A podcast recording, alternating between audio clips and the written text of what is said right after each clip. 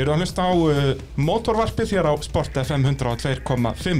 Ég heiti Bræði Þórðarsson og þetta er að sannsögðu allt í Nóa Sirius stúdíói podcastaðarinnar og uh, gestir þáttanins í dag, Fylgir Jónsson og Heiða Karin Fylgisdóttir, komið sæl og blessuð. Takk fyrir það. Takk svo mjög, Hva, hvað segið þið þá? bara fín. Er það ekki? Þið eru, já, já, í haustrallinu náðu þið sigri og eru þar með fyrstu og einu feðginin til að vinna rallykefna á Íslandi sem er nú uh, nokkuð góður heiður. Já, ég hafði nú ekki hugmynd um það en þetta var, það var góða hrettir. Það er svolítið svo leiðis. Og uh, já, þið hafi bæði verið að keppa í rally og rallycrossi og, og alls konar skemmtilegitum. Já, Og, og verið báðum einu við borðið, hvort sem það sé keppnishaldi eða sem keppendur eða, eða hvað það er. ég hef verið keppnishaldi bæði í rallycrossi og rally og þáfæri. Já, og torfær líka. Já, Þannig að, Gert, uh, tvær keppnir fyrir, fyrir BKR á sín tíma. Þannig að, að, að það eru fullt af sögum að segja hér í mótavarpinu í dag. Það er bara svo leiðis. En maður er búin að koma við það við. Já, það er, það er akkurat þannig. Uh, Mótorvarpið að sannsögðu bóði innvjala, AB varahluta og bílapuntsins. Uh, ef við byrjum bara árið 2020, út af því að við erum að keppa í, í rally, ef við byrjum þar, í, í hvað, öllum keppnum nema Holmavík, er það ekki réttið mér? Jú, Það fór vélinn í bílinn hjá okkur á Í bara fyrstu keppni, fyrstu keppni. það var á þriðju sérleið. bara þau klárið þriðisennlega það ekki, svo bara stoppið í tímastöðinni. Jú, við bara stoppum þegar flaggað út. Það gerist eitthvað, eitthvað undarlega hlutur þarna á, á beinakablanum og, og fer sennilega sundur óljuslanga og óljan fer af vélinni. Og kom ekki eitthvað eld, var ekki eitthvað hasar Jú, og eldur og Það Kom eldur. eldur. það, það er um að gera. Setti hjartað eins og stað. Já. og líka ólíu eldur, þetta er ógeðaslegt. Já, það var mjög, mjög svona óhugnalegt. En náðum ekki að, að verða okkur út um aðra vél fyrir, fyrir bara daginn fyrir hólmaðuguralið. Já, Þannig að það gafst engin tími til þess að fara að setja vélinn í og gera klárt og fara að leiða skoða. Þannig að við flautum það bara af, já, mætum svo bara á, á krókin, með nýja vél. Vel. Hvað er þetta maður vél í svona Subaru rallybíl? Er þetta bara pantað á netinu einhvern veginn? við keiptum bara standardmótor frá Japp Performance. Já. Já. Þetta er náttúrulega grúpa enn í runni, þannig að þetta er allt svona tiltölulega standard. Já. Og- Það var, í bílum var A-grúpumótor. Já, það er svoleiðis. Þannig að þetta var svona pínu downgrade. Já, það var semst uh, vél úr, úr uh, Subaru 22B, Já, 2,2 litra mótor sem var með stróku um 2,5 segurás og var að gera fullt af góðum hlutum sko. en orginall líka fín. Raunni bara betri held ég. Já, það er átt? mun, sko. Nei, það er ekkert, hérna, þetta er allt bara 300 hestöfl og sprengingar og, og læti. Ákveðin þrengingarnar sem að, sem að takmarka það að komist næði mikið loft inn á mótorinn og þar eru mörkin sko. Já, það er svoleiðis. Það er bara, þú getur haft þetta eins tjúnað að hægt er, en alltaf þegar það er þrenging á turbínu þá er það alltaf sama stopp, alveg sama hvað er, hvernig vélin er í rauninni. Það held ég. Uh, heiða, þú varst að byrja að keppi rally núna, eða ekki? Þetta var bara þín fyrsta keppni, eða ekki, núna vorallið. Uh, nei, ég kefti á Suðunarsrallinu. Og Já, já, ég segi það, hérna í Já. sem sagt, fyrstu keppni núna 2020. já, þetta er fyrsta rally keppni mín. Og hvernig var að, að keppi rally? Það var, mér var það skemmtilegt en það var öðruvísi. Já, það er náttúrulega, þú varst aðstofarukumaður, þannig að það var bara að lesa nótur og, og gera og græja. Já, uh, einbyttingin. Og hvað, small þetta allt bara strax eða svona tók þetta smá tíma að ná upp rétt á réttmannum og svona? sko, mér var Suðunarsralli ganga allt í lægi og Söðakrókur, þá var svona þessi komur inn. Já. Og síðan gerðist eitthvað í rally í Reykjavík og ég bara, og nótirna vorum ekki að smetla Já, saman. svoleiðis. og hvað, en voru það að skrifa nýja nótur eða nota gamlar nótur? Við vorum eiginlega að gera að blanda báði. Já, Það sem við gerðum raunni að, að það náttúrulega gafst ekki tími til þess að hreinskrifa nótunar sem að við, við búum til á fyrir uh, semst, hekluna og, og, og það er leiðar, Dómadal og, og ný leið þarna inn. Þetta var eiginlega bara Dómadalur og Hekla sem við vorum Hekla var fín en, það var hinn leiðin nýja. man ekki hvað hún áfangagil eða hvað Já, þetta heitir, bjallarhraun og þetta. og, og hérna hún hreinskrifa nótunar semst, fyrir keppnina Já. og það er bara eitthvað sem klikkar í því og við duttum alltaf út en vorum með góð kennileita þannig að við góttum alltaf að koma inn aftur Já. en þetta var svona bara byrjandi mistök og við Já, já. lærum bara að því fyrir næstu keppni og ég síðan náttúrulega gátu aðstæður ekki verið verri heldur í höstralinu bæði fyrir ökumann og aðstæður ökumann Þá er mitt, náði ég að lesa nótunar. Já, ok, Já. þó að það sást ekkert út og, og fylgisvaldur ekkert út og... við, við sáum mjög vel út Nú, ok. fram að svona einu þriðja á síðustu leiðinni Já. þá ger ég þau mistök að ég þurrka af rúðunni Já, þá þurrka ég efnið sem að vara rúðunni af Já. og þá byrjar að, að koma móða bara mín, bílstur megin, mín megin já, en svona tvo þriðju af leiðinni síðustu leiðinni var bara mjög gott. Já. og bílinn er sterkur og áræðanlegur og örugur og ég keiri rauninni alltaf svona 90% svona Nei. ne nema að þurfur eitthvað meira. meðan að kannski allir aðrir keira 110% og þegar þeir get ekki keirt á 110% þá klikkar eitthvað. Já, og þe- þetta bara var minn dagur já sko þetta, þessar djúpahansverði voru náttúrulega út af Þið eru sko eftir fjórðuleis Þetta er alveg var hérna auksarekir fram og tilbaka, fram og tilbaka. Já, og svo tvær ferður um djúpahat og þeir eru djúpahatni eru held í tveimur mínútum eftir fyrsta setinu. Svo Já. takkið þið bara, svo náttúrulega lenda bæði á Daniel og, og við vorum eitthvað tveimur og halvri mínút eftir Danna held ég. Og síðan vantaði þarna sjö sekundur í Baldur. eitthvað Þa, svoleiðis það voru, við ætlum bara að ná þessum sjö sekundum, það var Já. ekkert meira. við vorum eiginlega bara í keppni við Baldur sko. Já, já, og því við, bæði í alþjóðarallinu og svo hérna Söðukrokki líka.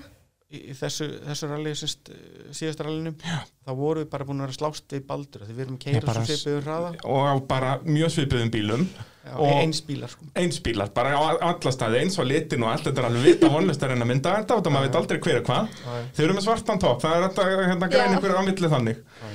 og eins og bara í alþjóðarallinu það var fáralegt hvernig þið voruð bara þú veist, ef ykkur, ykkur tapaði tíu sekundum þá, þá var það bara svakalega mikið sko. Þetta var bara sekundu slagur alveg eins og allur föstudagurinn bara leið eftir leið eftir leið Já, já. sem er ansi magnað á þessu leveli Já, já.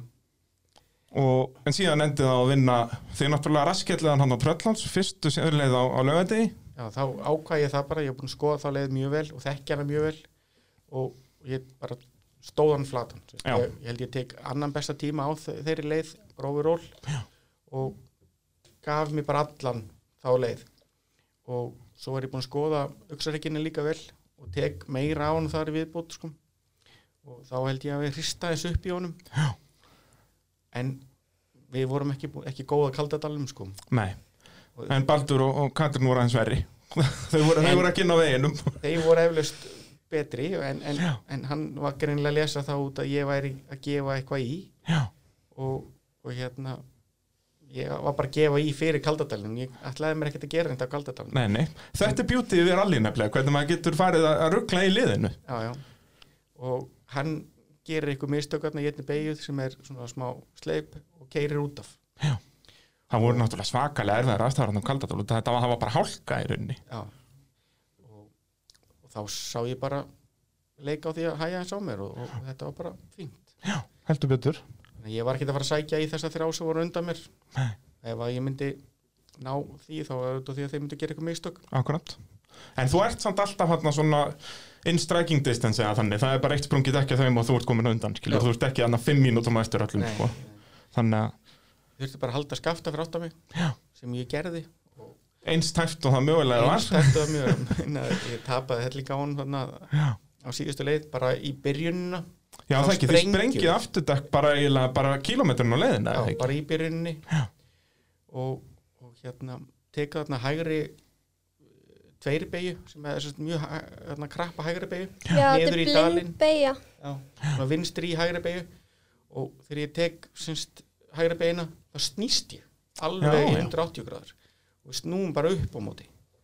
Og, og hérna og ég er ekki aftur og bak og bakka þetta niður og, og inn dalinn þetta og gefur svo í allt á botninu áfram. Og, og hérna bíllinn er eitthvað skrítin í, í hægri beigum og ég hugsa með sittur nefnilega bóðin stífa eða eitthvað. Já. svo keri ég bara og keri og keri og það er ekki fyrir en ég tek hægri beina þarna eftir eftir djúpavatnið. Þá kemur svona yfir hæð og niður í, í hægri þrjábegi, hægri tvo þrjábegi þá bara missi bílinn eiginlega alveg Já. í slæti og þá ætti ég með á því að væri eiginlega sprungið sko. Já. og heiða var orðan svolítið svona skelkiður hrætt og Ég var alltaf að reyna að finna mig aftur í nótunum og spurja hann og hann bara svaraði ekki. ég var löngu hættur að hlusta á hvað hann voru að segja og, og því ég vissi að ég var ekkert að fara að keira á Nei, það þarf í rauninni ekkert nótur þegar allt er í steik, sko. ég var í fullu fangi að halda bílum bara á veginum Akkurant. og, og hérna og lítið speikla að sé ykkur að koma í rassin á mér og, og keiri þarna yfir klappirnar og, og bílinn alveg út um allt Jú, jú. og svo þegar ég er hérna með frá hlýðin þá eh, tek ég eftir að skaftið er komin í rassin á mér og, og, og reyna að finna eitthvað góðan stað til þess að hleypa honum fram úr og hleypa honum fram úr Það er nú ekki hlaupið að því ég mitt á þessum kabla að það er vegurinn er bara jafn breiður og bíl. Já, það er bara bakkar syngur megin og grót og klettar og dót þannig að það er ekkit auðvelt að hleypa fram úr Nei. en það kom þarna eitt staður og ég hleypti honum fram úr og, og það eru 40 sekundur sem skild okkur Já. og ef ég hefði stoppað og skipt um dekk þá hefði ég tapað allan að 3-4 mínútum Já. Þannig að, að fórnarkostnarnar var alveg þessi verið Algjörlega. Og líka einhvern veginn út að þetta var að aftan að þá svona veit maður að ok, ég get nú að byggla alveg kert í ef þetta hefði verið framann hefði verið svolítið annað en að koma sér í mark. Já, þá hefði ég ábyggla tapað þessum 40 sekundum Já.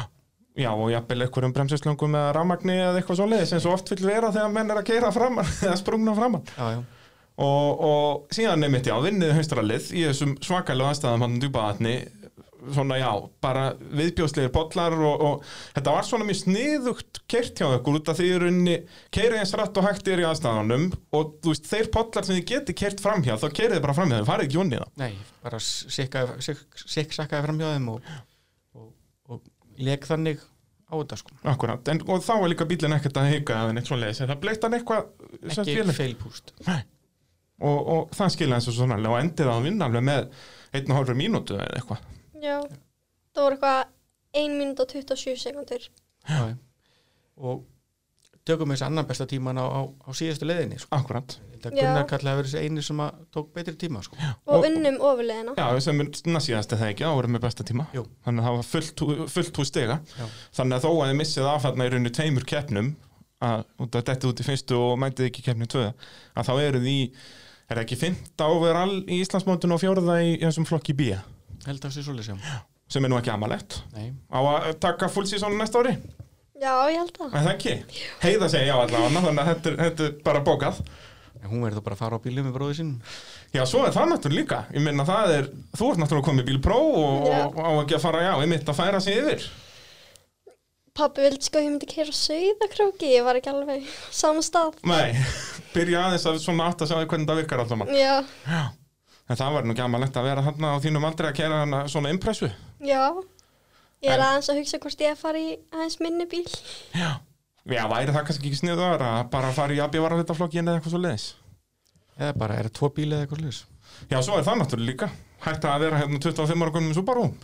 Já, að að reyna að fara í eitthvað aðeins nýmóðins hvernig heldur það svoleiðis sest fyrir hlustendur sem veit ekki, svona R2 rallybíl að þetta eru einu framdreispílar svona fíastur og svoleiðis með annarkort sko 1 lítra vél eða 1,4 eða 6 og eitthvað kannski 150 hæstöfl og, og flottur þú veist dogbox skýrkassi og eða sequential skýrkassar og, og mjög góð fjörun og svoleiðis.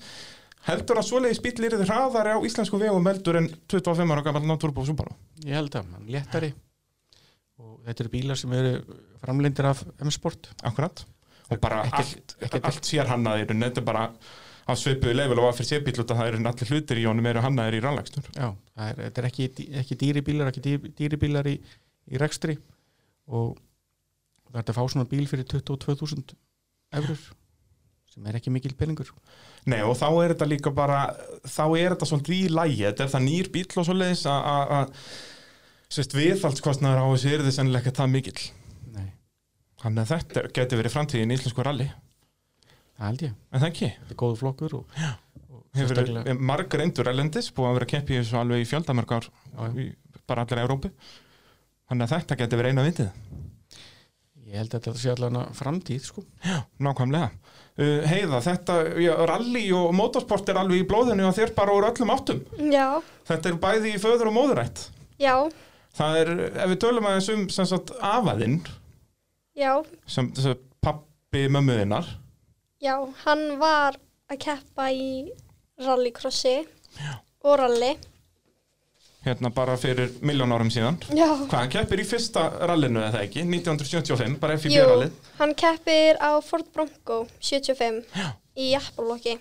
Já, akkurat, þá voru hérna bæði jeppaflokkur og, og fólksbílaflokkur. Já, varði í fjórðasætan í jappaflokknum. Allt tíu bílum. Já, Svo voru ekki nema, ég held að það verið 45 bílar í fólksbílaflokknum. það var aðeins smá þáttaka hann. Já, þetta var kannski aðeins öðru sér þá, náttúrulega engin örgisbúnaður eða neitt. Nei, og bílum, náttúrulega bara þurftur að keira á, þú máttur ekki fara yfir hámasræða. Já, já, Það var bara, þú varst bara að keira. Þetta var bara svona léttur ringur hérna í kringum höfuborgina að, að hérna, keirtum Reykjanesið og, og svo upp á Helliseiði og allt þetta held ég. Og, og hérna, já, bara svona klukkuleikfimi í rauninni, svona hérna, gamla rallið. Að að halda meðalhraða en ekki keira ofrætt. já, já. já, það er líka enn frétt um hann í Ástralíu. Já, þeir eru usbara. Hvers slags eiginlega er þetta? Fylgir í símanum, myndi sjokkar. Það er náttúrulega um hann, já, komið með í- gamlar fréttir og ég veit ekki hvað og hvað. já, í Ástralíu. Það sem hann var að keppa bara á venjulegum bílum í rallycrossi. Bara mjög svipað á rallycrossi er hérna á Íslandi. Já, ok. Það voru bara flokkarnir, þetta voru eitthvað þrýr flokkar, eða nei, þrýr klúppar í Ástralíu. Akkurat. hver með sína braut og þeir voru bara, það var eiginlega alveg eins og bara IH-brautin er Já. Og, og bara svona tiltöla standard bílar í rauninni. já, það voru bara alveg standardbílar Hvað af hverju hjólaði hann í þetta? Hvað var hann að veist í Ástralíu að keppa í rallycrossi? þetta er kannski ekki beint svona eðlilegt. hann bjó í Ástralíu Já, svoleiðis. hann sem sagt vann á flutningabíl bara Mm. svipa á pappi Nema Og- í Ástralíu. já, kefti síðan bara í rallycrossinu sem svona áhugamál Akkurat, akkurat. frá auka og síðan þegar hann kom heim aftur og þá fór hann í rallið og bjöði í KR Já. Er ekki, hann svona er einn af stofnmyndum klúpsins en það ekki, Jú. sem spyrðið íþróttaklúps er Reykjavíkur. jú, Var kosin þarna varaformaður varaformaður. Bara þarna þegar klúburinn er stofnaður, er þetta ekki 78, 9? Jú, eitthvað hann svona? kos, kosin 77 Já, og varð varaformaður 78 akkurat. Og er hérna, rauninni, kemur að skipulagningu margar ralla. Þarna var náttúrulega BKR já, bara eins og hann er í dag í rauninni, sem held, flestar allíkefnir. Já, svo fer hann út í Breitlands og kynni sér þar hvernig skipulagi kringum ralli er. Já, Og vildi að sé RC, hvað, heitir það? RAC-rallið, RC ralli. sem er svona alþjóðarallið í, í Bretlandi. Já, kom líka eitthvað frétt um hann þegar fóru hann og eitthvað félagans á rall út í Breitlandi til að kynna sér hvernig skipulagningin og allt umhverfi í kringum að halda rall er Já. og þeir eru svona brautriðendur í því að koma ralli á, á Íslandi á lagninnar Og þarna náttúrulega voru menn mjög stórhuga með að, vera með alþjóðlega keppni hérna og, og eins og ljómarallið var hérna fyrstu árin og vísisrallið, eða semst, já, ralli Reykjavík sem við þekkjum í dag, að þarna var alltaf miðað að því að, að fá erlenda keppindur hingað og, og já, gera þetta í rauninni eins flott og, og mögulega hægt er. og í mörg ár voru, voru alltaf verlendi keppindurinn Já, já, sem bara við svona vorum að fiska eitthvað staðar, að reyna að búa til eitthvað sambönd, eitthvað ítalir komið þarna alveg ár eftir ár og, og, og fleiri og fleiri og þá líka skiluru eins og Birgir Þó Bragason sem var mikið í kringum keppnisald á þessum tíma og keppa líka að hann hafði að binda sér sambönd við einmitt, ég held að voru ítalir og síðan fyrir vikið þá fer hann út, fær hann bíl lánaðan hjá þeim og fer út að keppa sjálfur sko, þannig að þetta virkaði á báða bóa í rauninni. Já, já. þannig að þetta er snilt það er bara þannig ef, að, ef að þið langar til þess að gera einhverja hluti úti að koma þið bara í, í tengsl við einhverja aðeil úti og Já, er erfitt að gera þetta bara mæta bara og ætla, ætla sér að- keppa. Ég held að bara út af því að við höfum svo góð tengsl við, við hérna motorsportin heiminn í Breitlandi þá hefur þetta verið svo auðvelt fyrir okkur. Nákvæmlega, nákvæmlega. Greiðam hjá, hjá hérna, greiðam gút hefur alltaf verið Íslendingum mjög innan handar sko. Akkurat, akkurat, búin að hjálpaði mörgum bæði að smíða bíla fyrir þá og, og hjálpaði mér henni að keppa í Erlendis og allt þetta Já, já. Þannig að- að það er tærsnild Heiða, ef við förum það eins yfir þinn feril Þú byrjar að keppa í rallycrossi 2018, eða ekki, bara 15 ára gömul Jú, fyrsta keppnin mín var annað, eða önnur umferð Íslandsmótsins. Já. Það var bara, mér hendi keppni, beinskiptan bíl og engin kennslega í beinskiptan bíl. Og Já, það er svolítið Hafður þú hvað, kert eitthvað bara á einhverjum bílaplönnum eða bara ekki neitt? við fórum kvöldið áður, þarna út á vekstæði hverju á völlunum Já, akkurat og keirðum einhverja nokkra ringi og, en það var ekki meira um það. Nei, og síðan bara eitthvað í öðru híti í keppninni sjálfur þá kemur pabbi þú verður að kúpla þú bremsar að ég var alltaf að drepa bílnum þegar ég bremsaði þá var já. ég búið að segja mér þetta. Nei, ég get bara sagt nákvæmlega sem við sögum þegar ég var að- að að prófa þetta í fyrsta skipti. Gott ef að fylgir hafa ekki verið keppnistjóri í þeirri keppni. Jú, mér minni það. Það- Þér leist ekki alveg á akstustílinn hjá mér. Þú varst nú einn Já, sem, ég er nefnilega ímyndaður hvernig þetta hefði verið ef ég hefði verið eins og heiða. Þú veist, þarna 2018 er ekki, þetta voru fimm eða fleiri keppindur júlingaflokki við vorum bara þrjú. Nú, ok, þannig að það hefur hjálpað aðeins að við, það voru ekki allir í kringu þig. Já, það var mjög þægilegt ég gæti verið bara eina dóla mér og, snúast í ringi og hérna eitthvað. Og alltaf að kúpla ég bremsaði því mér var heldur ekkert sagt að ef ég ætla að stoppa þá er ég kúpla. Já, já. þannig ég var alltaf að kúpla og bremsa smá kúpla og bremsa smá Já, þetta, ég bara hef nákvæmlega sem að segja, þú veist, ég kunni að fara af stað, bara sleppa kúplingunni og í Mhm. fyrsta gýr, ég kunni að setja í annan, ég þorði aldrei að setja í þriðja og það ég vissi að ég kynna ekkert að skipta niður aftur, sko, þannig að þetta bara setja í annan og svo ef ég stoppa þá bara draf ég á bílum, ja, ég er búinn. þetta, þetta var nú ekki einu mistökur sem ég gerði við að kennin að að taka þátt í rallikeppni Nei, er rallikurskeppni því að ég var búin að gleyma eða ég kendi henni ekki hver, á hvaða tífumpunkti þetta, hún ætti að taka stað sko já, svoleiðis. þegar græni ljósi koma þá, þá ég stóð hún bara kjör sko. panikaði allt í hennu allt í hennu byrjuði bara ljósin að blikka og ég veist ekkert hvað er í gangi og allir eitthvað að þú veist svona rúma vélarna sínar og ég veist ekkert hvað er í gangi og ég bara, hvað er það að gera Hvað er það að gera þetta? svo bara fór allir að stað og ég eitthvað veifa eitthvað og ég fara að stað Og já, ofan á allt þetta þá náttúrulega kunnir ekki kera bíla, hefur ekki kert Nei. bílum á einhverju bílaplani. það var bara mjög bara kent að um leið að fara kúplingur og fara á bensingjöfuna og síðan bara voða lítið mér þá Já, já, bara, bara setja í annan gýr og eins og ég ger þetta þá setja ég bara vinstri löppin á bremsupedalinn og þeir gera það þannig í útlöndum að hafa svaka töff. en hvernig var þetta, sko heiða, varst þetta þú að væla í pappaðinum um að fá að keppa eða var það öfugt? Það var var fylgir að væla, væla í þér, gott að keppa, gott að keppa. Þetta var bara, hann fór eitthvað kvöldi með mér eitthvað, við ætlum að fara að sækja rallikursbíl og ég eitthvað, "Ok, fórum með honum fórum við og fórum við eitthvað að vinna í honum og ég var bara að senda í keppni og svo allt í ertu bara komið, það er einhver ljós í gangi og þú veist ekki neitt hvað er að fyrir þetta. Það er mjög gott. já þetta var áhugavert ég skal ekki get alveg viðkenda að ég fór að gráta í þeirri keppni Já, það er svolítið. Já, Var þetta aðeins svo mikið svona að, hérna, vera að henda svolítið mikið í djúbulöðina? já, ég líka með alveg brjála slag innilokuna kent og mér var bara að strappa niður í eitthvað stól og henda út í eitthvað braut og ég veist ekkert hvað ég var að gera þannig. En svo kom þetta nú bara keppnust í keppni eða ekki? Jú, ég bætti mig mjög mikið bara strax bara næstu keppni og ég held hann áfram. Akkurat. Uh, á hvaða bíl ertu á þessum ægó sem þú ert á núna þarna?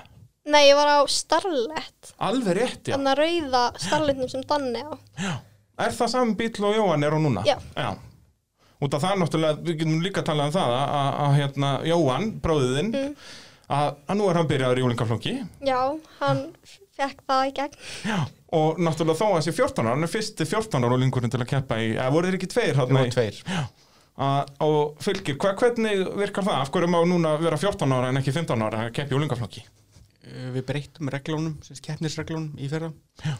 um að uh, samræma raunni við eins og þetta er í FIANES-reglunum og þá er uh, sérst, í Noregi, Svíþjóð, Danmörku, Finnlandi, Íslandi, Breitlandi, þar er það sérst, almanaks árið sem segir til um hvernig maður er í keppa.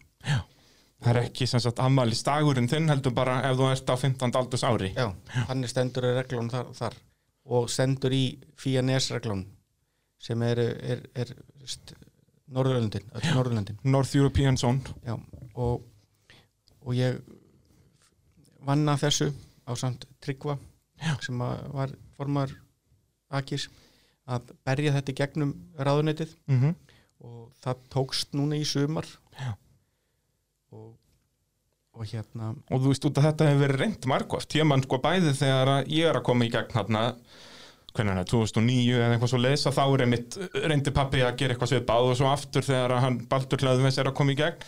Og svo held ég aftur þegar Gunnar Kall er að koma í gegn allir papparnir voru alltaf að reyna að hjóli þetta.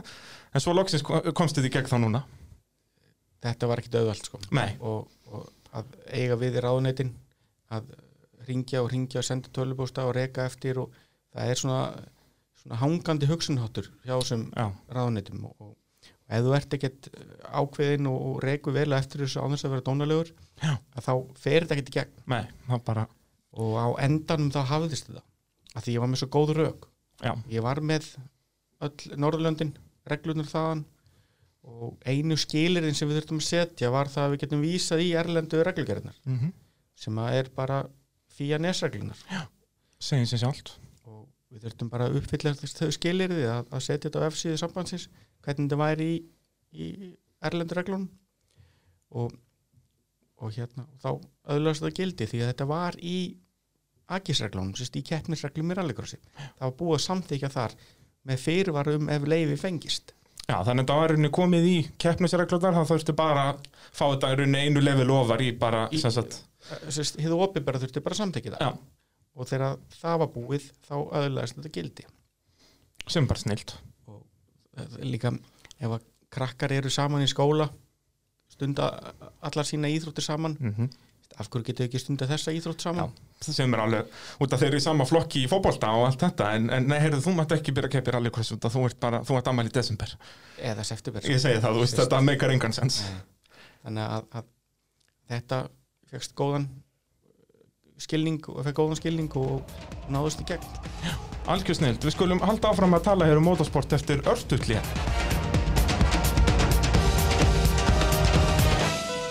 Þið eruð að hlusta á Sport FM 102.5. Þetta er mótorvarpið og í þessum þætti erum við að ræða aðalega um rally og rallycross við þauðkinin Fylki Jónsson og Heiða Karinu Fylkisdóttur. Sæl og blessuð. sæl Og eh, já, við erum svona að fara núna yfir ferilin hjá Heiðu. Þú byrjar að keppa þarna í rallycrossi 15 ára gömul. Var Já. hendi í djúbulögin og língaflokkin. Já, Og síðan svona varst alltaf að bæta þig hægt og rólega þarna 2018. Heldur svo áfram í úlingaflokknum 2019. já Og ég endar- klára út keppnistímabilið 2019. En ertu hvað? Ertu þá komin með bílpróf, færðu bílpróf þarna 2019? Já, ég fæ sans bílpróf þrem dögum fyrir seinasta mót. Já. Og ég fekk það, eða þú veist, ég fekk leifi til þess að keppa í úlingaflokki sinns og keppninu minni. Og það var smá mótmælti, en Nú er ég, það ekki, er það ekki í reglum að þú í klára út reglum. 17. árið? ef þú átt ammali setna hluta tímabilsins, að þá máttu það. já, ef þú átt ammali semst, eftir mitt keppnistífambil Akkurat. þá máttu klára keppnistífambili þó er sett orðin 17 ára. Já. en það var- voru einhverjir einstaklingar þarna sem voru á móti þessu. Og svo þegar hún ætlaði að skrási í, í hérna redneckmótið. Þá fekk hún bara símdal og sagt að hún var að gera mistök. Hún, hún gæti ekki skrási í, í, í hérna í þennan flokk. Já, ok. því hún væri orðin 17 ára. Þannig væri reglunar Ég var samt búin að fá, þú veist, það voru allir sem ég var að keppa móti, bara glaðir að ég myndi, að við, við vorum búin að vera harður að keppna þannig allt já. Svolítið veðilegt að klára ekki Akkurat. sama flokki. Það var ein keppni líka. En það allavega komst í gegn allavega með þá lokkaðum fyrir Íslandsmótsins. Já, En Ég- keppir þá fyrst í, í ertu þarna komin eitthvað, en ertu ennþá að Já, stærleitunum þarna? ég byrja tímabili 2019 á ægónum. Keppi fyrstu umferð, síðan lána í bílum minn í annar umferð að ég er í útlöndum Já. og þriði umferð er hann sprautaður og orðinni sig svart og græni. nákvæmlega, eins og hann er í dag. Og, og þú endar hann í þriðarsætt í Íslandsmótinu í úlingaflokknum 2019. Já. Og hérna, þarna náttúrulega er þessar reglubreitingar í gangi með að, að er að komið núna í gegn úlingaflokkurinn er max 1000 rúmsendametra vélar. Já. Sem Það- er náttúrulega algjör snild og þá fara bílarnir beint í þennan 1000 flokk sem er orðin svo svaka vinsæl. Já, en það eru bílar sem að voru smíðaðir fyrir 2019 Já. sem eru á undan þá út næsta ár Já, já, undan þá er semst ennþá í gangi. Já, bara á þessa bíla sem hafa keft áður í þessu flokk. Já, já, bara eins og þekkist í öðru motorsporti þegar það eru svona drastíska reglubreitingar þá verður maður að gefa þeim séns sem eiga bíla, annars bara verða þeir að hætta skilur, það gengur ekki alveg og þá náttúrulega likur beinast að fara bara í þúsundflokkin já, ég fór byrja að þanga á þessu ári Já. og og Ég nú keppa svona keppnin og keppnin ansi hörð þar, enda alltaf bara rúmlega tíu bílar í braut. Miklu erfari. Já, Ég kem alltaf tilbaka og fyrir strákunum er svo leiðileg við mig. og það, þú átt alveg svolítið til, til þín smáls þar að, að, út að strákandir eru svolítið leðilegir við þegar maður svona sér vídeo og svona það er einhvern veginn alltaf verið að klessu utan í því að snúa þeir eða, eða hvað það er. Í úlingaflokki þá var bílið minn alltaf heill. Ég kannski fór svona bygglaðan aðeins rispaði allt þetta ár hefur bílum komið gjör ónýtur út úr hítum. Já, út er bara hverjum einasta riðli, þetta er ekki Já. bara eftir keppni, heldur bara ef Bara þú ferð út að riðli. já, já, bara keira, að þá er bílinn bara, hann er ónýtur líka við. Já, og bara eins og hann er í dag, hann er bara, það vantar á hann framstuðara, hann, hann er með Bara beklaður allan bara einhverja hörð sem fundum í einhverjum gámi, var brotið rúðuna mína í einu er bara, hann er í steik. Og er. svona, var þetta sjokk fyrir þér fannst þér að vera þarna allt í önnu með, já, tíu ökumunum í braut? Já, ég, í fyrsta hítinu þá var ég að keppa með tinnu sem að var í úlingaflokki með mér. Akkurat, Tinna ég- Eliastóttir. og við vorum ræstar hlið við hlið í, þú veist, annari eða þriðju lína eða eitthvað, annari held ég og ég bara, það var búið að segja við mig að bara gefa allt í og ég bara, já, ger, gera það, gera það síðan gefið ég bara allt í bótt og ég sé að Tinna er bara lengst fyrir aftan og hún hefur alltaf verið bara fremst í öllu Já. Þannig hefur svona, hætt, þetta er svolítið skrítið fer onni í skálina og síðan bara klessa allir á hliðina á mér bara allir saman og ég, ok, ég skil okkur hún Já, varð tók, þið bara rólega. já, bara var það eftir Leifa þeim að klessa öllum á hvern annan og, og koma Já. svo bara fram hjá þeim. Ég hef samt alltaf verið frekar sterk í að fara bara áfram í startina. Ég tek startið mjög rætt.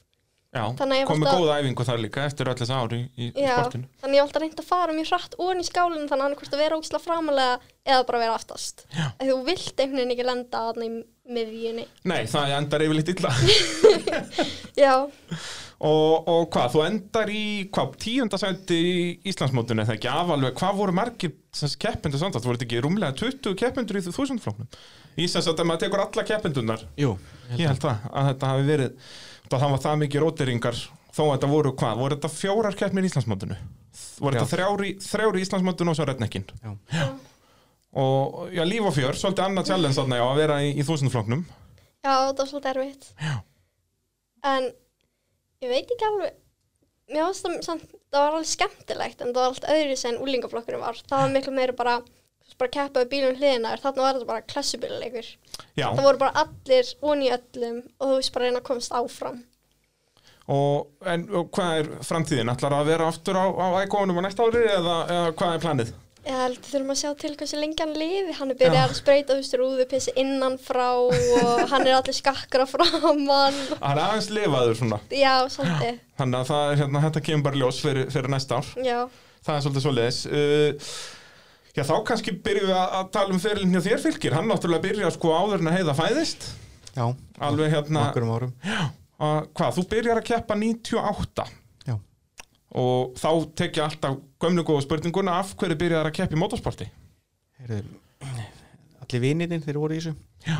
Eru það hérna hvað, Himmi og Gitti og, og þessir allir? Já, Þeir búin að vera þá í rallycrossinu alveg Sigurður nokkur Pálsson, ár. hann, hann byrjar hérna 97, eða allan keppa hérna 97 og, og þetta er svona leiði mann bara út í þetta Já. allir vinnir mann sem voru í þessu og, og þetta var gaman og skemmtilegt og Og þú náttúrulega alveg með bílatellu, þegar ekki? Varst eitthvað að vinna í kringum bíla á eitthvað hann, eða ekki? jú, ég var að vinna á, á, á hérna rétningástæð Já. þannig að maður svona með alla þá dellu sem hægt var tengt bílum sko. Nákvæmlega. Þannig að þetta segja sér sjálf bara þeir innur dróðið í þetta. Já, hóptrýstingur Já, það er eins gott að þeir voru ekki fíknefnum, þá það það hefði farið illa. það er, hérna, þetta er svona fíkn raunin út af fyrir sig algjörlega. bílætalla sko. Já. og leiði mann úr, úr annari fíkn í aðra sko. Já, já, en það er bara dásamlegt. já. Og hvað, þú ákveður að fara að keppa þarna á, á Ford Escort, svona, er þetta ekki MK3 Escort, er þetta ekki kallað það? Þetta er rauninni fyrsti framdrifs Escortin. Jú, Og það var alveg svolítið spes á þessum af því að það voru eiginlega engir framdrifsbílar að keppa þarna. nei, þetta var þarna 98 var þetta rauninni eini framdrifsbílinn sem var að keppa. Og, og hérna og þetta var svolítið öðruvísi heldur en það sem allir hinu voru að gera. Þeir eru allir aftur bílum og þeir eru allir þversum öllum beigjum Jep. og, og hérna ég var bara öðruvísi. Og, og það skilaði sem svo þú keppir átna 98 og ert svona eiginlega alltaf í kringum toppslæginu rauninni já, kem þarna inn í, í þriðu keppninni Já. og enda í öðru sæti í þeirri keppni og, og hérna uh, klára svo ekki fleiri keppnir rauninni það árið Nei. en ég tek þátt í, í þriði og fjórðu og hvað, var það alltaf bara eitthvað vissan á bílnum? ég er gullflaggaður hérna á í fjórðu keppni í, Já, hérna- alveg, er það keppnin sem þú tekur fram úr á gulu? já, Já, akkurat og ég ræs ekki úrslitunum ég, ég, man ekki af hverju og hvort það var út af því að dæmdu til þess að með ekki ræsa á staði úrslit út af því gerði þessi mistök sko. Nú já, bara það verið dæmdur úr keppni bara, það var ekki bara refsing, heldur bara farið heim. Já, bílinn, kerði út úr, Já, út úr hérna, þriðja, þriðja umferðinni sko, þannig að en ég, ég, ég fer ekki í aðra umferðina. Nei, annar reyðilinn, fer í fyrsta fer ekki þrið, í annan og er sannlega flaggar út í, í þriða og á þá ekki rétt á að fara í úrslitin það er eina sem er grunar, ég man Já. það samt ekki alveg nei, nei, enda eitt eða tvö ár síðan. og, og, en síðan byrjar þess að 99 tímabilið og þá bara byrjar að vinna allt og alla. Já, ég er hérna Fer að flétt í blöðunum, sko, búin að hann er svoleiðis að skrifa þetta allt saman niður, sko. skrifa svona heimildir sko, Já, gerði, nákvæmlega. þetta ekki sko. sko, þá er ég að keppa rosalega mikið við Guðni Úlós Já, alveg rétt. og Kristinn Sveinsson hann mætir hérna á, á overtóðutun sinni í, í fyrstu keppnina. Já, og mér minnir að hafa ykkur bóðið í bílinn hans en, en bóðið hans var ógilt því að það kom of seint eftir já, eitthvað svona, þetta er náttúrulega fullt af formsatriðum hann sem verða að vera á hreinu. Já, þetta er krónuflokkur og þú, þú getur keift bílina í lókkeppninar Og var þannig ekki verði bara hvað, 150.000? Jú. Já, og Kitty var alltaf búin að eyða miklu, miklu meira í bílinn. Já, já, þannig að hann fer úr krónuflokknum og yfir í, í rallycrossflokkin Já. þar sem að þú þarft ekki að selja bílinn í lókkeppninu akkurat, akkurat. en það er þarna aðal barningur minn er við Guðni Úlfos sem er, Sem er hérna ennþá á, á kórólinni góðu. já, Guðlu sem átt hann Ólafur Akkurat, Ólafur uh, og, og Sigmundur Guðurnason þar á undan held ég. Já. Vera, sambíl búin að vera lengi í rallycrossinu og Guðni náttúrulega frábær aukumæður. Og er það ekki síðan hann nefnitt um mitt sumari sem að hérna allur Er það í byrjun tímabil sem að hérna, Suðurnesja flotin mætir hann? Það voru ekki einhverju tíu hvítur bílar sem hann komið með hann? Jú, það er mitt sumar Já, og það var ekkert smá að sjá þú þá voru þetta komið bara, voru þetta ekki 18, 19 bílar, það þurfti alltaf að vera í tveimur riðlum með það ekki? Jú, tveir reyðilar og oft bara, þetta voru held ég hátti tíu bílar, hvorin reyðili sko. Já, nákvæmlega. og hérna, svo voru hann bara ræstir uh, í úrslitin einn Já. tíu bílar í hann tíu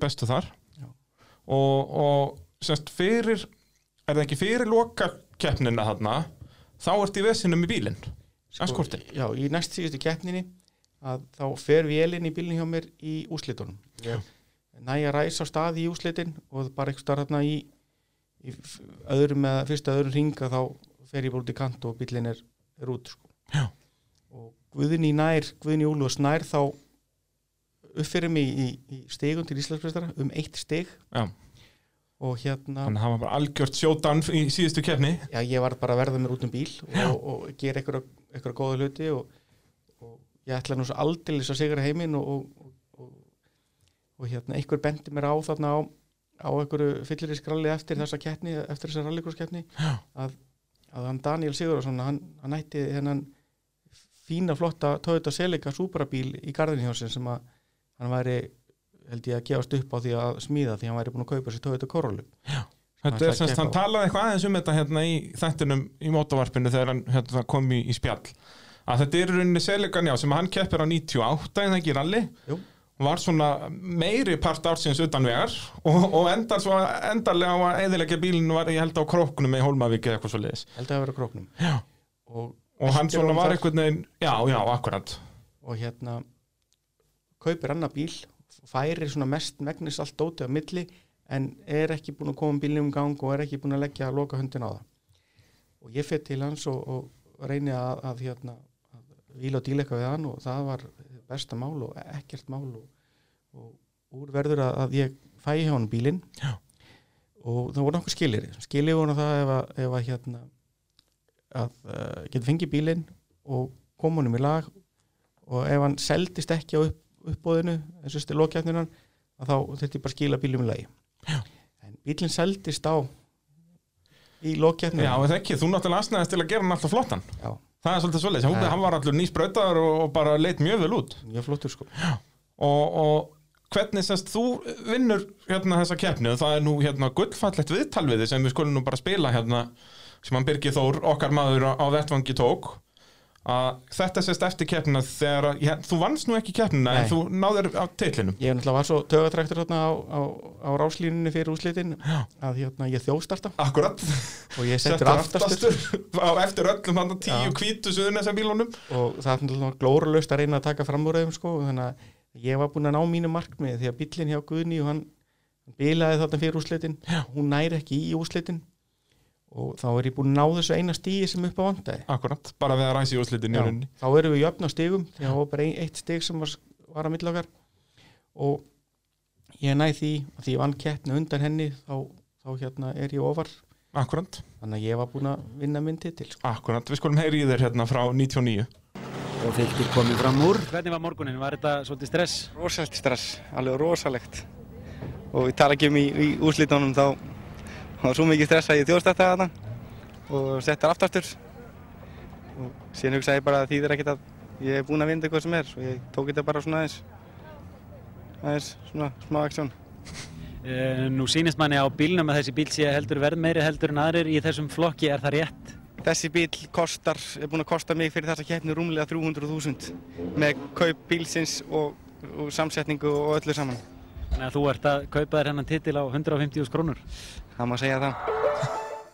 þá má svolítið segja það, að þarna hafi verið kannski ekki beint keiftir titilinn en, en hérna, jú, vissulega var þessi bílaðin stýrar en þessi 150.000 kall Já, þetta er náttúrulega fyrir utan alla vinnu og, Já, utan dekk og, og sprautun og allt þetta sem að en ég var með góða styrtar aðila sem að hérna stuttu mig vel semst bíliðin, pizzahöllina barðin sem að er umbúðsalveri Hancock dekk Já. Og bílastjarnan sem ég var að vinna hjá á þessum tíma mm sem að sprautuði bílinn fyrir mig. Og en hvað, bílinn selst? Og hvað, komu mörg tilbúð í hann eða var þetta, held að hafi komið tvö tilbúð já. hvernig er það þá, er það þá dreigið um bara hvort tilbúið það er? Já, það er dreigið með og hvað, þið voru ekkert með að nota gömlu triksin maður þá var nú oft svona sögur sko, að ef ykkur hrættur um að bílinn er keiftur þá komum bara allir vinnir þeirra með 150 sem kall, hann komum bara 10 tilbúð þannig að hann myndi það að vera meiri líkur að hann færa aftur heim bara. Já, nei, ég Þú nenntir því ekki? Því ekkert, sko. en, en leikurinn var settur upp að bíl mátt alveg seljast sko. Já, nákvæmlega, þetta, og þá bara fjengt hann í peningin í rauninni annars, Allt- annars allt þurfti ég náttúrulega bara að skila bílum sko. nákvæmlega, nákvæmlega út af hann var svona, já, þú varst tæknilega sem með hann í láni en náttúrulega kláður hann gerir hann tilbúinn Já. fyrir þetta uh, Svo ferðu, já, með augastað svona á rallið eftir þetta eða ekki, þú keppir eitthvað árið 2000 í rallið eða ekki sem aðstofur okkur með Jú, ég fer með honum Jónis Óskarsinni Já. Á Honda Civic. Förum í tvær keppnir. Og, og hérna. Þá vildur þú bara meira. Já, ég var ekki alveg að fíla mig í, í fallegarsætun, ég var svolítið hrættur Já, ég von stundum meira auðvitað við heldur en á og hérna þannig að, að það leyndi mig frekar í það að vera aukumæður og, og ég festi kaup á Toyota MR 2 bíl sem var búin að vera í, í keppni eitthvað bara svona smá eða ekki, hann hefði ekki keppt mikið í rallið þessi bíl Nei, En þetta er- verið lánaður og, eitthvað. En svona mjög sniðugur bíl í þetta. Þetta er sem sagt Toyota MR2 já, sem er með vélina í miðjunni í rauninni Vélan fyrir aftan aukumenn og afturdrifts bíl, þannig að það er svona skemmtilegu balans í honum. Já og nei, hann, hann var stundum trikki En var þetta svona eins og bara porsar eru eða þannig, ef hann byrjar að slæta þá er þetta orðið svona pendulum bara og vonlist að fá hann tilbaka aftur. Já, eins og gerðist náttúrulega einu svona á Hólmæk þegar ég og Sunni verðum að keira, þar að þá er ég að koma í þetta er beigjan þarna sem að, að vikar krassar svona svakalega. Já, þá erum við að koma þar upp akkurat í hináttina Já. og þetta er í, í nótum þá hétt þetta vinstir tveir þriðju já, sem er semst annar í botni eða þriðji rólega. Akkurat og ég fór þetta þriðja í botni. Og það var ekki að virka. Nei. þegar, þegar, beygjan hún er einhvern veginn hallar einhvern veginn svona skringilega. Að þú kemur í beigjuna þá nærði ekki að slæta í beigjunni bíllinn bara hann, hann fer bara út af og styrði bara beint út af út í eitthvað stórgriti Og hvað, dast út úr þeirri keppnið hann já, hættum út þar. En já, tímabilið byrjaði nú ekki vel. Ég er hérna með annað, annað dásamlegt viðtal við hérna bara eftir þá það var svona sprettur hérna fyrst. Við skulum, við skulum heyra hvað það er að segja þar út að þar, já þið veldu bílnum, er það ekki, bara fyrir kefningstímabilið. e, það er 2001 Já, ertu, ert þú að tala um Holmberg 2000? Já. já þú Þá- kaupir bílinn 2000. já, Það er svoleiðis. já, þá fer ég með hérna Sunnefu Já. og, og hérna við tökum þátt semst, á Hólmæk og Söðagrók ok, og svo er að keppnistífambili 2001 þá fer ég með Þórið Ingvarsinni og, og já, eins og við segja, þið byrjið á þessum sprett hérna og við skulum heyra hvað þið að segja eftir það með, með bílinn svona skemmtilega alternanda fyrir aftan ykkur. Í sprettinum. Þórður kunningi með vinnu minn ætlum að taka og vera með núna í sumar. Tókum þátt í, í sprettralinu núna sem var á Suðunessum senjumst helgi. Og það endaði mér við fórum á toppin en það var á senjumstu leið og, og vorum búin að ná fimm, fimm leiðum og, og, og ég skal segja þér þannig vorum búin að ná tímum og lendum í fymta sæti yfir heldina þannig að, að við vorum búin að ná þarna þeim árangri sem að þurfti en bílinn endaði eins og hann endaði og, en við ætlum að taka til og, og, og berja hann í horfið fyrir næsta, fyrir fyrstu keppnina sem verður núna Suðunessarallið Og fylgir safnaði liði um helgina og nú þegar að mánudagskvöldi liði þá eru verið að mála bíl. Það, það, þetta var ekki lengi gert? Nei, en þetta var nú bara róli, hvað, er þetta heill ringur sem þið farið, hvað endið þið á toppnum? ég held að þetta verður fjórir eða fimm. Nú það er svolítið, já, Já, bara rúlað vel. Það er bakslagana því að mótorinn er aftur í bílum. Að þá, þá var hérna þetta er á stapaleðinum og það kemur svona svaklegt bakslag í bílinn. Þannig að bílinn kastast upp á aftan og, og fer rauninni á hægra hotnið á, á fer rauninni framfyrir sig. Já, já, og svo bara spinnar bílinn svona svakalega og endar hérna ekki út í móa. Já. Og En hvað, hann var nú ekkert eitthvað stóri tjónaður fannst manni, var, þú veist eins og veltubúri slapp alveg og já, svolítið. já, það slapp En það hann var svona- toppurinn sko. Frambrettin Akkurat, akkurat. Og, og þessu var bara rétt á, þeir mætið hann í, í fyrstu keppni. Já. Og keppið, keppið ekki allt tímabilið, þú og Þórður hann Jú, ég held með minnir Jú, við keppum allt tímabilið. Já. Og, og erum hérna uh, valdir hérna menn keppnirinnar menn of the event alþjóðarallið Já, svoleiðis. 2001 á, á þessum MR2. Það er náttúrulega málið við þennan bíl að hann passaði henni ekki í neitt flokkið, það eru ekki í þessum Nordec flokkið. Nú, hann er í þeim flokki. Já, já. Nú, hvað? Þannig að- hvernig var svona árangurinn þarna? Hver er, er Danni þarna á, nei, þann er, er hann á hondunni þarna? Ég held að Danni hafi ekki verið að keppa þetta Hver, hver er að keppa við ykkur þarna? Er, er ekki Óskar Sól að keppa þarna og Kórólu? Og einhverju fleiri? Man nú ekki hverju það voru. e, eins og í alþjóðarallinu þá var ég að, að hérna, berjast rosalega mikið með hérna, ég skal ég Ragnari Magnúsinni hann var hérna eftir okkur Akkurat. Og ég held að við hefum lent í öðru eða þriða sæti í rallreikjaðik þá árið þannig bara líf og fjör á þessum MR2 og hvernig voru svona já næstu ár eftir þetta, Hva, hvernig voru plönin? Langaði þeir að fara í, í stóra flokkin að reyna að reyta einhvern bíl í það? Nei, þetta var svona hugmynd að vera bara frekar í svona minni bílum og, og eignast þarna Toyota Corolla Twin Cam já, sem var náttúrulega mjög vinsall hann á þessum tíma. Kefti nokkra keppnir á honum. Já.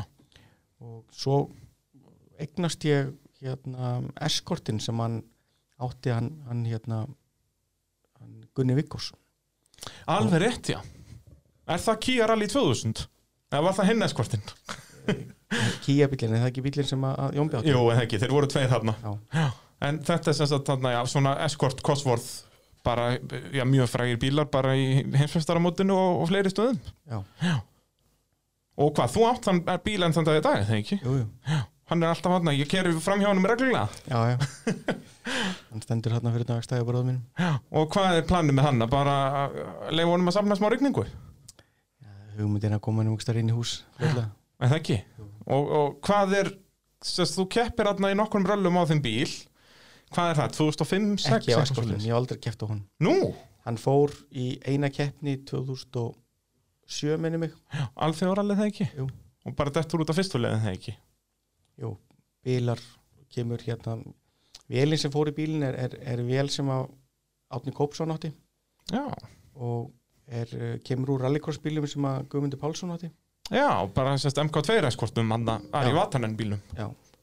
og hún var búin að standa svo lengi upp í hillu að, að, að stimpirhingirnir og, og, og endla þétningarnar og allt óti var orðið, orðið eflust fast Já, þannig að hann andaði svo mikið upp um sig dældi svo mikið ólí út af mótónum þegar hann raunin blésur rauninu onni kjallaran Já.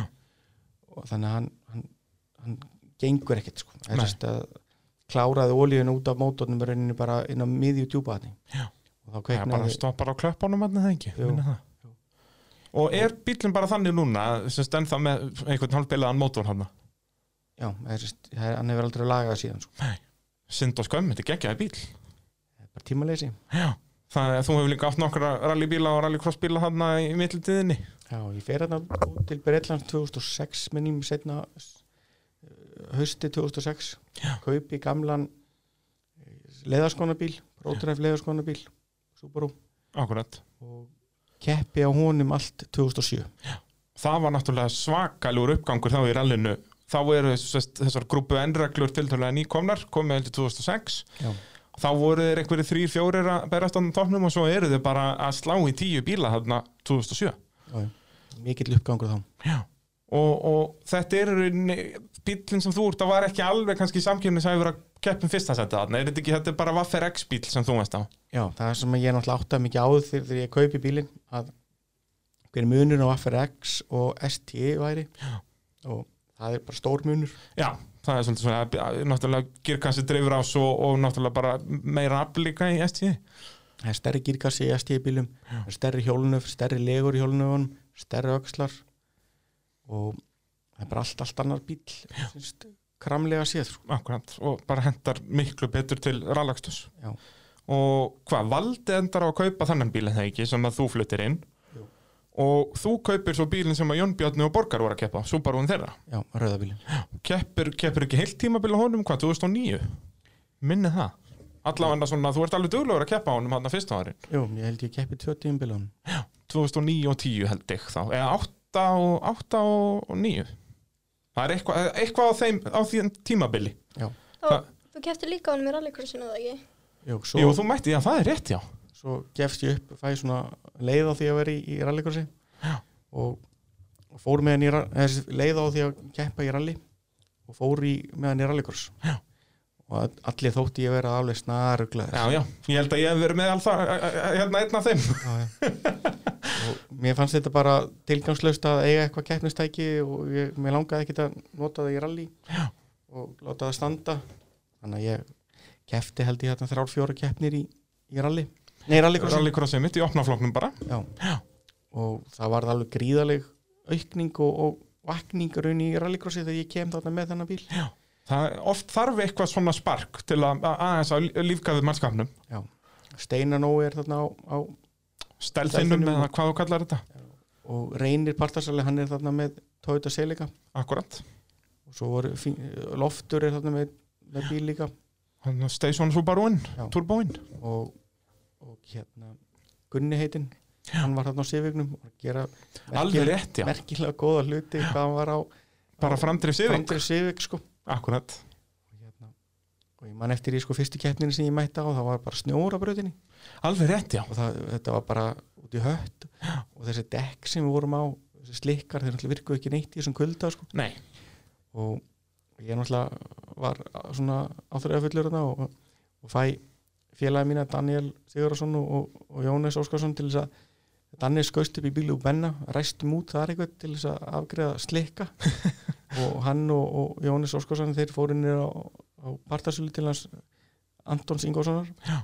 þar var umfelgað á, á fjóra felgur. Bara hann allt um, um morgunin bara fyrir um kefni morgunin fyrir kefni bara eftir fyrsta hít held ég sko. Já, Ég það er náð- bara um hádegisbil bara. Ég held við náðu þessu fyrir annað hít sko. Því að bílinn var bara eins og belja á selli í fyrsta hít Já, ég get trúa því og, og ég hérna vinn þá keppni Já. þetta var bara Var þetta það, það fyrsta um fyrir Íslandsmótsins var þetta eitthvað svona byggarmót þetta var ekki eitt af þessum februarmótum með það nei, þetta var fyrsta það var bara, í Íslandsmeistaramótinu. það var bara svona mikið blíða þarna í, í byrjun, að, hvað er þetta, í loka apríl sennilega Já. en svo þegar það fór að líða daginn þá bráðnaði þetta, þetta var bara föl yfir og, Já. og hittnaði og, og brautin var þetta góð sko. Já, akkurat. Uh, Við skulum halda áfram þessu spjalli hér eftir örstutli.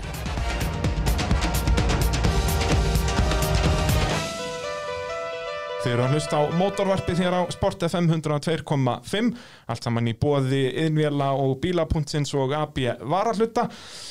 Um að gera að- skella sér í AB varahluta og kaupa eh, vara, AB varahluti og kaupa dýrindis varahluti og til dæmis Borg og Bekk rúðuþurkur og Reynex rúðuvörð til þess að maður sjá henni eitthvað út í, í blíðunni hér á Íslandi. Og svo að sjálfsögðu innvélar ef það vantar eitthvað fyrir innæðinn þá var skottast upp á smiðjuveg í rauðu göttun á smiðjuveginum. Þar finnið þið allt fyrir innæðinn hvort sem það sé í trésmíði, játsmíði eða bílaviðgerðum eða, eða hvað það heitir. Og ef að bílinn er bilaður eða þarf að fara í sprautun eða réttingu að þá fer maður til valda í bílapunktinum í grófinni sjö í Reykjanesbæ og, e, og það er náttúrulega bara frábært vestæði við með almenna viðgerðir og, og eh, já, sprautun og, og réttingar. Uh, Við erum að tala við eh, já, fylki og, heiðu um, um þeirra feril, erum að fara við ferilin á fylki núna, sem eru svona aðeins lengri en, en hjá heiðu ferilin, það er óvænt að segja það. Og erum hvað, svona komin til ársins 2000 og svona 10, 11, 12 cirka, þegar þú varst þarna eitthvað í rallycrossun, manstu hvað ár það er? Þegar þú ert á Subaru-num í rallycrossunu er það, hvað, 11 eða eitthvað svo leiðis eitthvað svo leysjá og síðan náttúrulega þarna 2016 þá kaupir rallybílinn hans eh, Daniel Sigurðarssonar já, sérst Subaru sem hann hefði flutt inn bara var ekki árið áður einhvern svo leiðis og kaupan hérna hausti 2016 já var eitthvað svona stórkvæstlegu munur á þessum bíl og, og bílum sem þú kaupir af Jóni Bjarna? Já. Eh, ekkert stórkostlegur, þetta voru mjög svona sambærilegu bílar á sama rauninni grunni, þetta eru bæði prótræf smíðaði bílar Já. eða sérst, ekki prótræf smíðaði bílar heldur sömu uppskriftin af bílum þetta er PRVC bílar Já. sem keftu þarna í heimsmeistarkeppnin í rally 2007 akkurat, í svona þessum production class eða hvað þetta hétt Já, svona lítið breyttir breytti bílar sem að keftu í heimsmeistarkeppninni.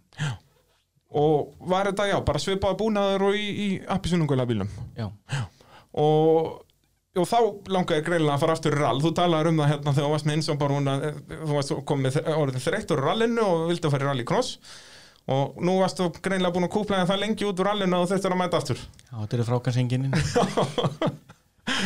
og, og þetta er sérst bílinn sem að Daniel verið mistar á 2016 og þú kaupir hann svo bara þá um haustið eða ekki. Já. og mætir svo í, í, í keppni 2017 þá með honum tóna, Anton Ingvason Já, fæ hérna bílaspítalan jafnaverið til þess að taka hann í gegn fyrir mig úr sprautan. Akkurat.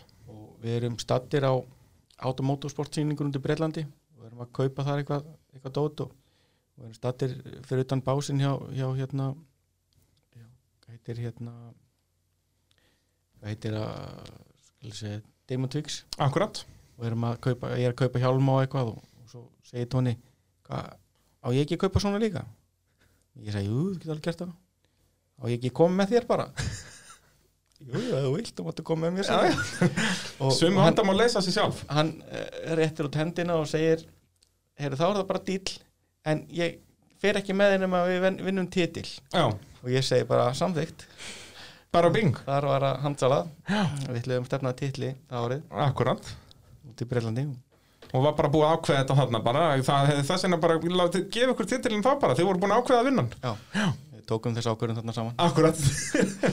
En það voru keifti gallar og hjálmar og dót og greiða þessu upp og, Já, ég fekk líka galla eftir þess að ferð. Sko já, autosportsýningarnar þetta er gjöfin sem heldur áfram að gefa það er bara svo leiðis já, hugmyndi stóð náttúrulega til að, að, að taka heiðu með sér. Já. og það var allt búið að ljúga að mér að, að, að þessar reglugjara breytingar með 14 ára væri alltaf gangi í gegn.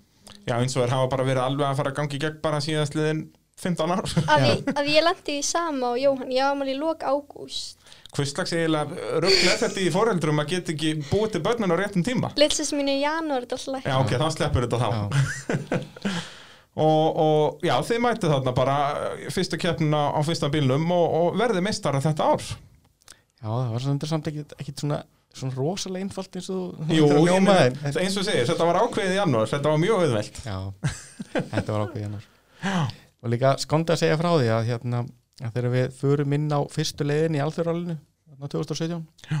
að, að það er skórektin í Hafnaveri fyrir eitthvað stutt leið og við erum að, að keira þarna rauninni síðasta spottan að þá keirum við fram hjá honum, honum hérna, Jón Bjarna þar sem hann var utan vegar Já. það er farið hjá honum stýri sem þetta er spindikúla og keirir út af og er runni dottin út og hann var eiginlega sás aðeili sem við vorum að fara að slást við í þessu ralli. Já, já, við vorum að slást um Íslandsmyndsatitilin og þá rétt ég út hendina til að stóna sig til hamingi með titilinn. Og hann alveg sussus, sussus ekki segja þetta. Við, við, þurfum að klára líka. Já, og ekki nema svona 300 km restir ekki nema.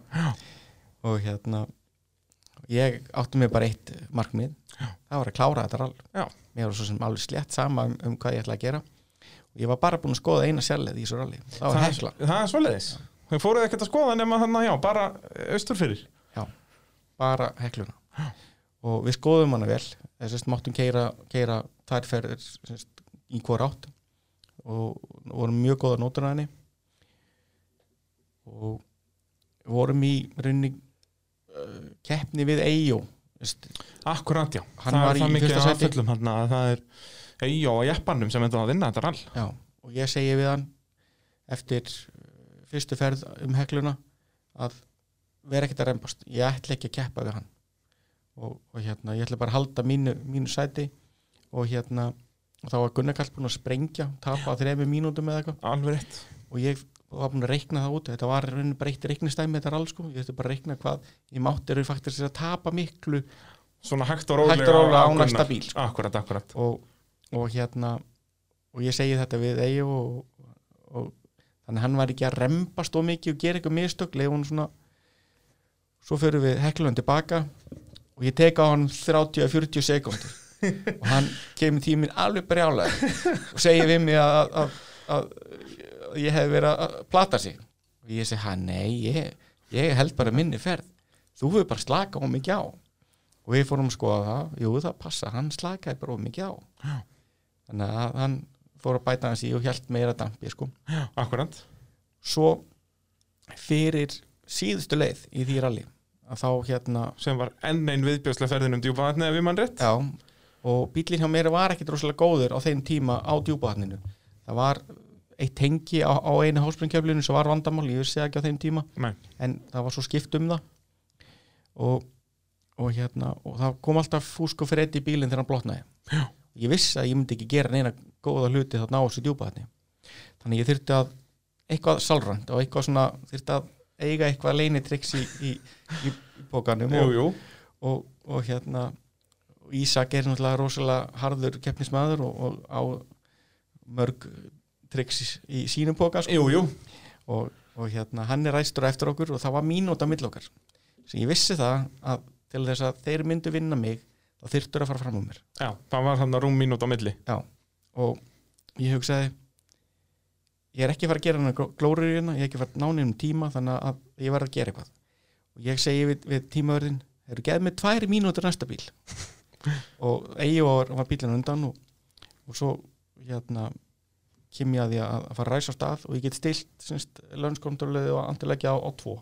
Þá kemur svona meiri sprengingar og meiri læti og hoppar meira á stað. Jú, jú og ég geri það og ég stend bíl alveg marflatan og hann hoppar að stað og grót út um allt og því lík læti sko svo slekki ég bara á andilegin og, og dóla mér sem eftir var að Akkurat, akkurat. hennar. og þá lætur það samt alveg lítið út fyrir fyrir Gunnar Kall og Ísak og það ætlaði svoleiðis að fara að sigra heiminn sko. og Ísak sagði mér eftir á að, að shit, eru annarkot keira hann flatt út af Já. eða tekur ógeðslega góðum tíma Já. þannig að við keirum þetta bara safe sem þeir gerðu nema þeir koma sko hálfri mínútu á, á eftir mér út af leiðinni Já. Að því bílinn hjá mér fúskaði að freddaði bara allt djúpa þarna Já, í bleitinu og viðbjöðunum að ef, ef þeir hefðu ef það hefði ekki náða aðeins að rugliði en þá kannski hafði þetta fyrir farið öðru í sig. Gunnar Kall nú ólsegur ökumaður og hérna, já, hefði kannski getað náð ykkur maður betri tíma að það Það er léttilega, geta unnið með þarna sko. Þetta er eins og ég segi, bjútið yfir allir það er hægt að, það er hægt að ruggli liðinu. Ég gerði það eins og við, við, hérna, við hann Jóa þegar hann var á Evo sjöbílum sem að Danni kefti á út í Breitlandi. Jóhannes Gunnarsson, Já. pappi Gunnars Kalls þá, þá er ég, held ég annarkot 20-30 sekundum eftir honum mm í einu alþjóðrálinu og það er skóraktinn síðasta leið. Akkurat, hérna kvalir á vatnið eða hvað þetta heitir hann skóraktinn hefnaðari Já. og ég lappaði upp á bílinn hjá honum og þurrkaði af speiklunum til strunum hann saði mér eftir að þetta hefði sett hann alveg út af lægi Já, það er svo leiðis Já, illekilegt Já, já, gaman að því, gaman að því. En ég tók á hann tíu sekundur á svona leið. Og, og þessi leið er bara hvað, hún er undir 5 km, er það ekki, þetta er bara spotti. Bara út af því að setja hann út af lægin Já, já, bara aðeins að rugli liðinu. Hann fór að hóra meira í speilin heldur en hann hefði gert áður sko.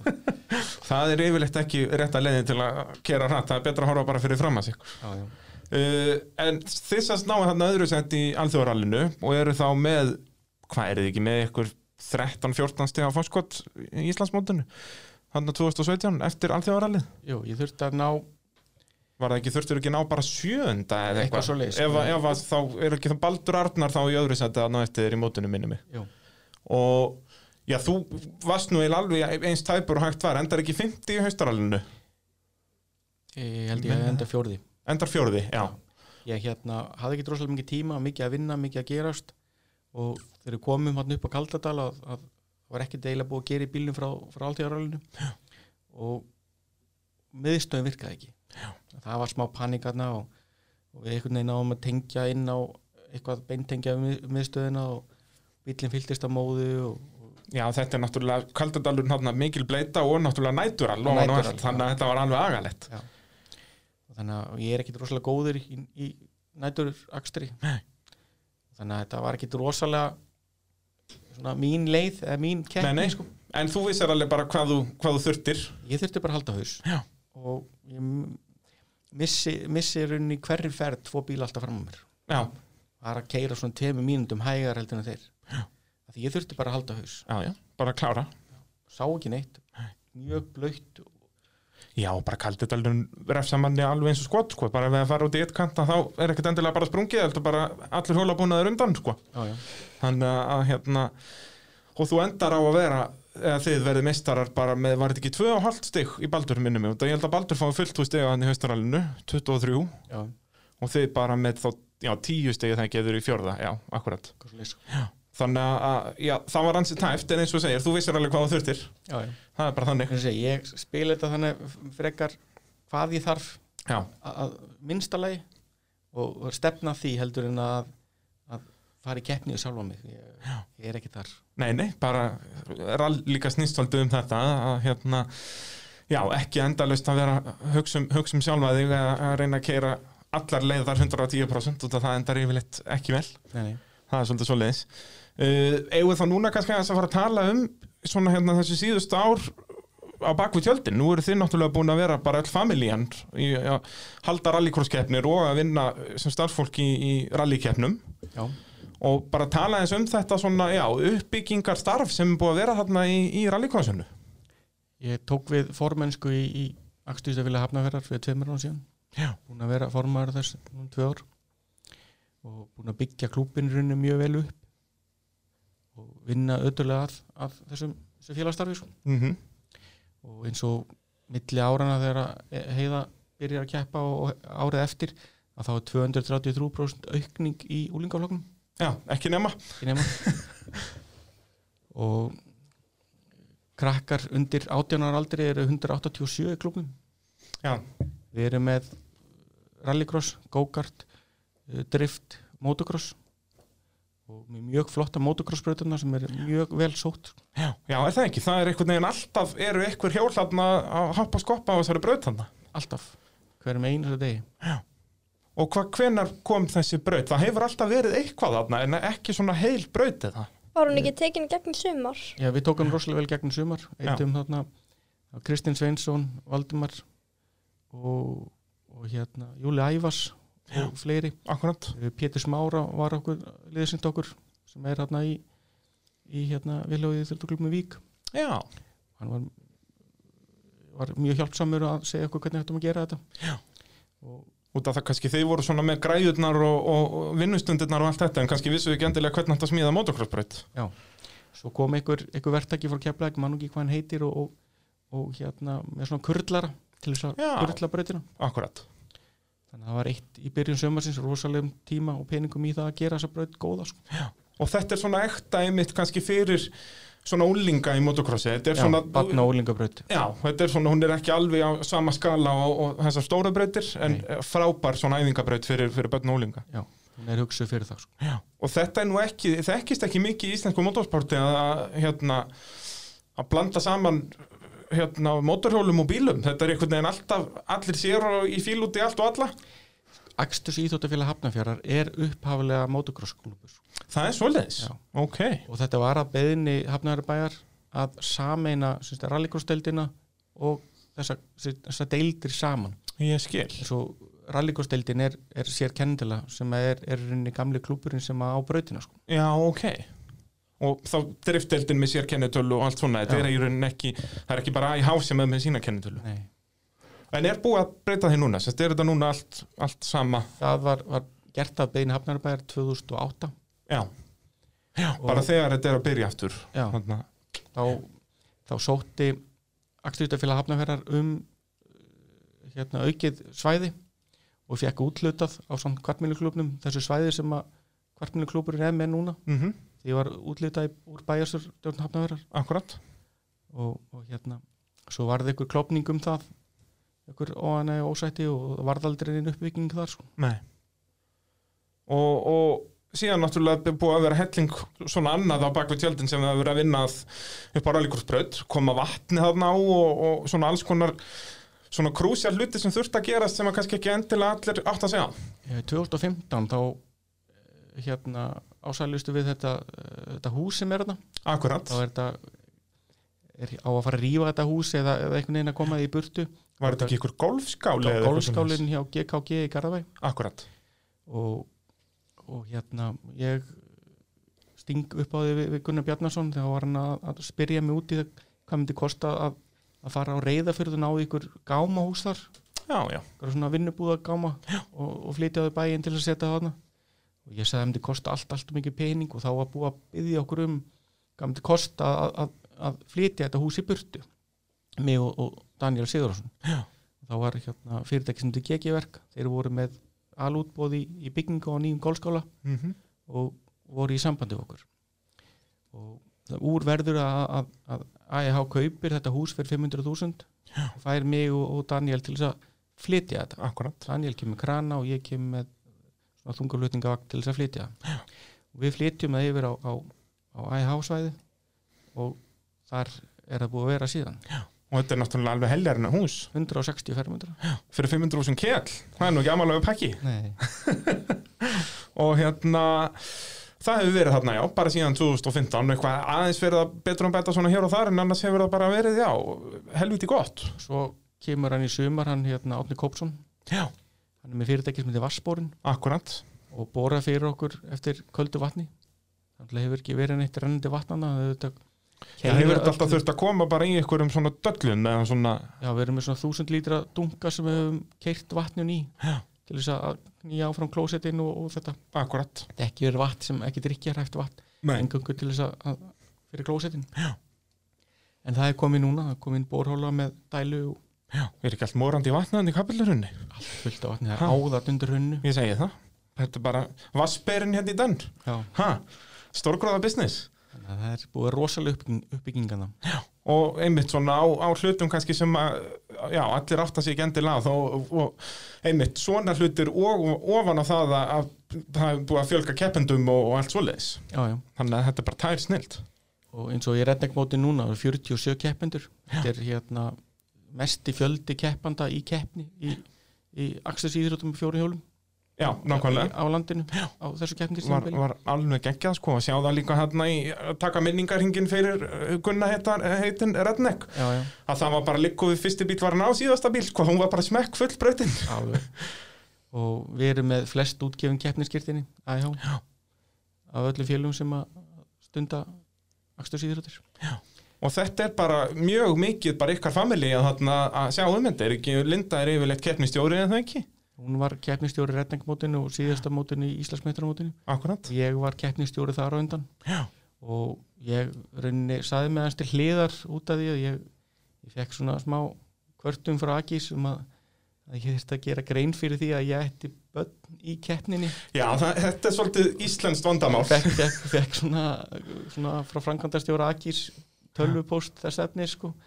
Og mér finnst þetta svolítið skrítið sko, að hver Linda fekk ekki þetta saman bref hún Já, á þessi börn líka Já, sko. þetta, er, þetta var ekki beint löst sko, ef þetta var virkilegt vandamál að þá myndi ég ekki segja að þetta var rétta lausnin bara að láta konun að gera þetta. Já, ég, ég, ég skil ekki af hverju ekki fyr- sambærilegt þú er bref sko. pappi þeirra, það er ekki sjöns já, mamma þeirra, já, hún má vera kefnistóri en það meikar ekki mikil sens Nei, þannig að en þetta er eins og ég segi, svolítið íslenskt vandamál í, í motorsporti og hefur verið bara frá motorsport byrjaði að það er einhvern veginn starfsfólk eða já, keppnisaldar eða hvað það er, það er yfirleitt einhverja tengingar í, í keppendur sko, og við verðum bara átt okkur á því að við erum á litla Íslandi ég held að allir eh, blóðskilda á eitthvað máta sko. Já.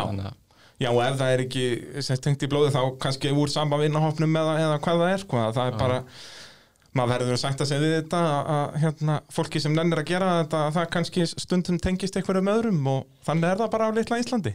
Það uh, hérna eftir örstutli að þá langar mér að ræða hérna úlingastarfið í, í rallycrossinu og þetta úlingarnámski sem við erum byrjuð með núna. Við skulum farið við það hérna eftir örstutli Já, já. Þið eru að hlusta á mótorvarpið hér á Sport FM 102.5 allt saman í Nóa Sirius stúdíu podcastöðarinnar í bóði innvila AB Varahluta og Bíla.sins Fylgir Jónsson og Heiðan Karin Fylgisdóttir eru gestir mínir að þessu sinni og eh, já, við erum svona búin að fara yfir ferilin hjá ykkur og, og sem var náttúrulega já, nýjasta keppnin haustraðli núna þar sem að þið, þið unnuð Já. og uh, þá langar mér að fara yfir þetta úlingastarf í, í kringum rallycrossu þetta þetta er rauninni ég er þetta ekki bara fyrsta og eina svona markvissa úlingastarf í motorsporti á fjórum hjólum? Ég held það. Ég held það svolítið. Það hafa aldrei verið svona skipulagt úlingastarf Já, svona markvist, sko, bara, heyrðu, nú ætlum við að fá krakka til að gera þetta og þetta, þetta til þess að reyna að búa til góða ökumenn og, og eða, góða keppendur kannski réttar að sett. ég bara krakka til þess að, að fá áhuga á mótorsporti og bara svona bíla íþróttin yfir höfuð Akkurat. hvort sem það sé ringakstur, rally eða, eða rallycross eða hvað sem er sko. Og já, þessi hugmynd hefur svo sem alveg verið í loftinu í, í fjöldamörg ár en það hefur bara aldrei verið gert neitt í henni. Hvenar byrjar, fer þetta ferli í gang? ferinn í gangi fyrra Já. hugmyndina þessu og, og hérna komi menn til mín og, og, og stungu sig upp á við mig Egi og Melsteð og, og fleiri og þá svona kviknaði vakningin. Mm -hmm. þá fór ég að, að, að hugsa hvað ég þyrfti að gera til þess að þetta væri hægt að gera þetta möguleika. Já. og hvernig væri þetta námsefnið, hvað, hvað væri þetta að kenna um, hvað væri þetta að gera. Og þetta átti náttúrulega að vera tvöfalt, þetta átti að vera sérst, uh, undirbúngsnámskeið og svo átti þetta að vera framhaldsnámskeið. Undirbúngsnámskeið átti að snúast meir um það að rífa bílinn sundur og, og, og smíðan og, og vinna í bílnum og hugsa um hvað þýtti að gera til þess að viðhalda bílnum í keppni og svo leis og svo framhaldsnámskeið átti að vera akstur. Akkurat. en svo þarna á degi tvörunin í námskeiðinu á öðru, í annari viku að þá kemur þetta COVID. Já, bara hann í mars, bara. Já, það kom samkom bara að bara loka öllu. frábært. og fyrst um sinn þá er megu halda áfram með með námskeiði með gríðalegum svona takmörkunum Akkurat. halda fjarlægð, þurftum að skipta hópnum upp í, upp í tvo hópa Já. og vera með spritbrúsa og hanska og allskins dót og græjur sko Já. og það komu nokkur ósétt moment sko sem við vorum ekkert alveg því ef það ef það er eitt smitaður þá var, var allir smitaður sko Já, Þetta var svolítið svona en, en þetta gekk allt upp og það kom ekki upp neinn vandamál í, tengt þessu svo settum við þetta bara á hold. Og það byrjuði 26 nefnendur þá voru átján sem að kláruðu. 26, það er nú ansi mikið. já, það voru, Og sest, Tvö- hvern, hvernig virkar já, já, rallycross námskeið það er, það er ekkert mál að halda fótboltanámskeið og það er bara að kaupa kannski nokkra bolta og, og nokkur vesti. Þetta er svona aðeins mér að vesen og ætlar að fara leið úlingum að keira bíl með öllu út að það þarf náttúrulega að smíða þá bíl og senda veltubúr í bíla og, og allan öryggisbúnað og allt þetta. Veist, hvernig, hvernig fór þetta allt saman fram? Sérst undirbúningurinn hjá klubnum sko undirbúningu fór náttúrulega bara fram með það við smíðum bíla. Já, það er svo leiðis bara að enda mann ég held að það verið þannig að við eitthvað staðar sást í aristu sölu og þá var fylgir mættur. Við fórum, ég og Hilma Bíð Þráins við fórum á, á uppbóð hjá Vöku Já, sem hefur rosalega góðu stuðningsaðeili klúpsins hjálpa okkur helling og, og, orðu okkur út um varhaldi og ýmsa hluti. Við förum á svona síslumanns uppbóðsjáðum og það voru fjórir svona Toyota Yaris bílar og við keiptum alla. Og það er rauninni byrjar þetta. Já, enda maður sér það núna svona þessi fyrsta árgerðað í Ari, svona 99 árgerðað hvað þetta er, að þessum bílum er ekki hend í dag, sko, þetta er bara, heyrðu á að fara að henda í Aris og þá er einhver rallycrossar búin að kaupa hann. Já, það er bara svo leiðis eða það er haft samband við mig og spurt hvort ég vel ég hýrða Já, þetta er svona, einhver er í vöku svona, heyrðu, ég sé að það var að koma í Aris hérna og fylgir er bara mættur, já, ég kaupa hann. Þannig að, að við byrjum á því að kaupa þessa bíla og við byrjum að rífa á. Þeir voru svona í misgóðu ástandi og sumir voru bara ofriðgæðir og ljóti til þess að það var þetta smíða á. Já, og við rifum þá bara á hendum þeim en náttúrulega kannski til að eiga líka einhverja varahluti eða hendu þeim bara alveg eða, nei, við rifum allt úr þeim sem var hægt að hýrða akkurat. Og svo voru margir sem sem voru með, með krakkana sína að keira eins og Sigur Bræði, hann var með svon sinna mm og það gáttu allir fengið bara aðgang í þessa varaldi. Það var, eða vantaði eitthvað í keppni það var bara ekkert mál. Og var þetta þá bara í eitthvað sem gámum mann upp á braut eða? Já. Já, það er náttúrulega algjör snilt. Það er bara tveir, nei, 20 þetta gámar stútfullir af varaldum í bíla. Og, og hérna svo þarna í byrjun keppnastímabilsin þá, þá eru eru hérna er, eh, menn að fara með bílana í búraskoðun og það koma upp svona vandamál með, með hérna að það vantar stífi eða vantar hitt. Og ég bauð bara mönnum að koma tíminn, ég skildi bara hjálpa þeim að, að græja þessa, þessa svona smáatrið það er náttúrulega algjör snilt að svona hvetja menna til þess að, að, að gefast ekki upp á þessu. Já. kom svona hljóði í menna að þetta væri bara undurusla, þetta væri alls gott að smíða bara nýjan bíl eins og það var að, að fara að breyta búrun og svo þegar maður fór að rýna betur í þetta þá var þetta kannski bara einn stífa sem vantæði Já, já, þetta er ekkert stórmál. Þannig að þetta var ekkert stórmál. Það var algjör snilt að það séu menn eins og þú sem bara, heyrðu, við rettum þessu bara. Og hérna og það þannig byggðist þetta rauninu upp sko. Og það voru alveg í, semst eins og sumar í úlingaflokknum, voru þetta ekki, hvað, þrýra eða fjóri keppendur, semst í keppnum sem voru líka á námskeiðinu? fleiri þetta, voru, þetta var hérna þetta var Oliver, Emil og Jóhann uh, Guðni og, Einhverju fleiri? og ykkur fleiri sko Var ekki Sónu Sigur bara Jú, Agnar. námskeiðinu líka? Nei, hann var ekki náttúrulega, Hann var kom ekki á námskeiðinu. æfingu við vorum þarna meðan COVID var Akkurat. og það opnaði fyrir æfingar fyrir unglinga Já, það mátti Já. og, og það var hérna mjög góð mætingi það akkurat. Henning Átni frá Suðurinsson þeir komu og, og hérna Gunnar Kall með, með svona hérna Sigurbraga Já. komu rosalega margir Já, enda algjör snilt að, og sérstaklega þessum aldrei að geta bara fengið frí að ringja á bröndinni. já, já. Uh, hvernig er þetta námskeið uppsett? Þú byrjar aðeins á þessu áðan að, að, þetta er miklu meira heldur en bara að kenna krökkum að keira. Já.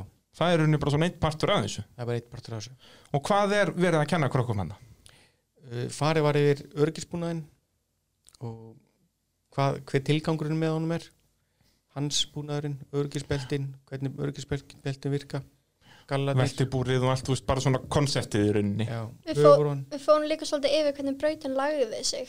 Já, Hvernig þú kerðir brautina. Þú veist, við vorum með þetta, voru ekki með þetta á skjávarpunum? Jú. Við vorum með á skjávarpunum, bara mynd svona af brautinni já, bara svona top view eða þannig Já. bara á á brautinni. þessi beigja hérna er malabeigja og Mhm. maður þá þarf að passa sig á þessu hér og, og allt þetta.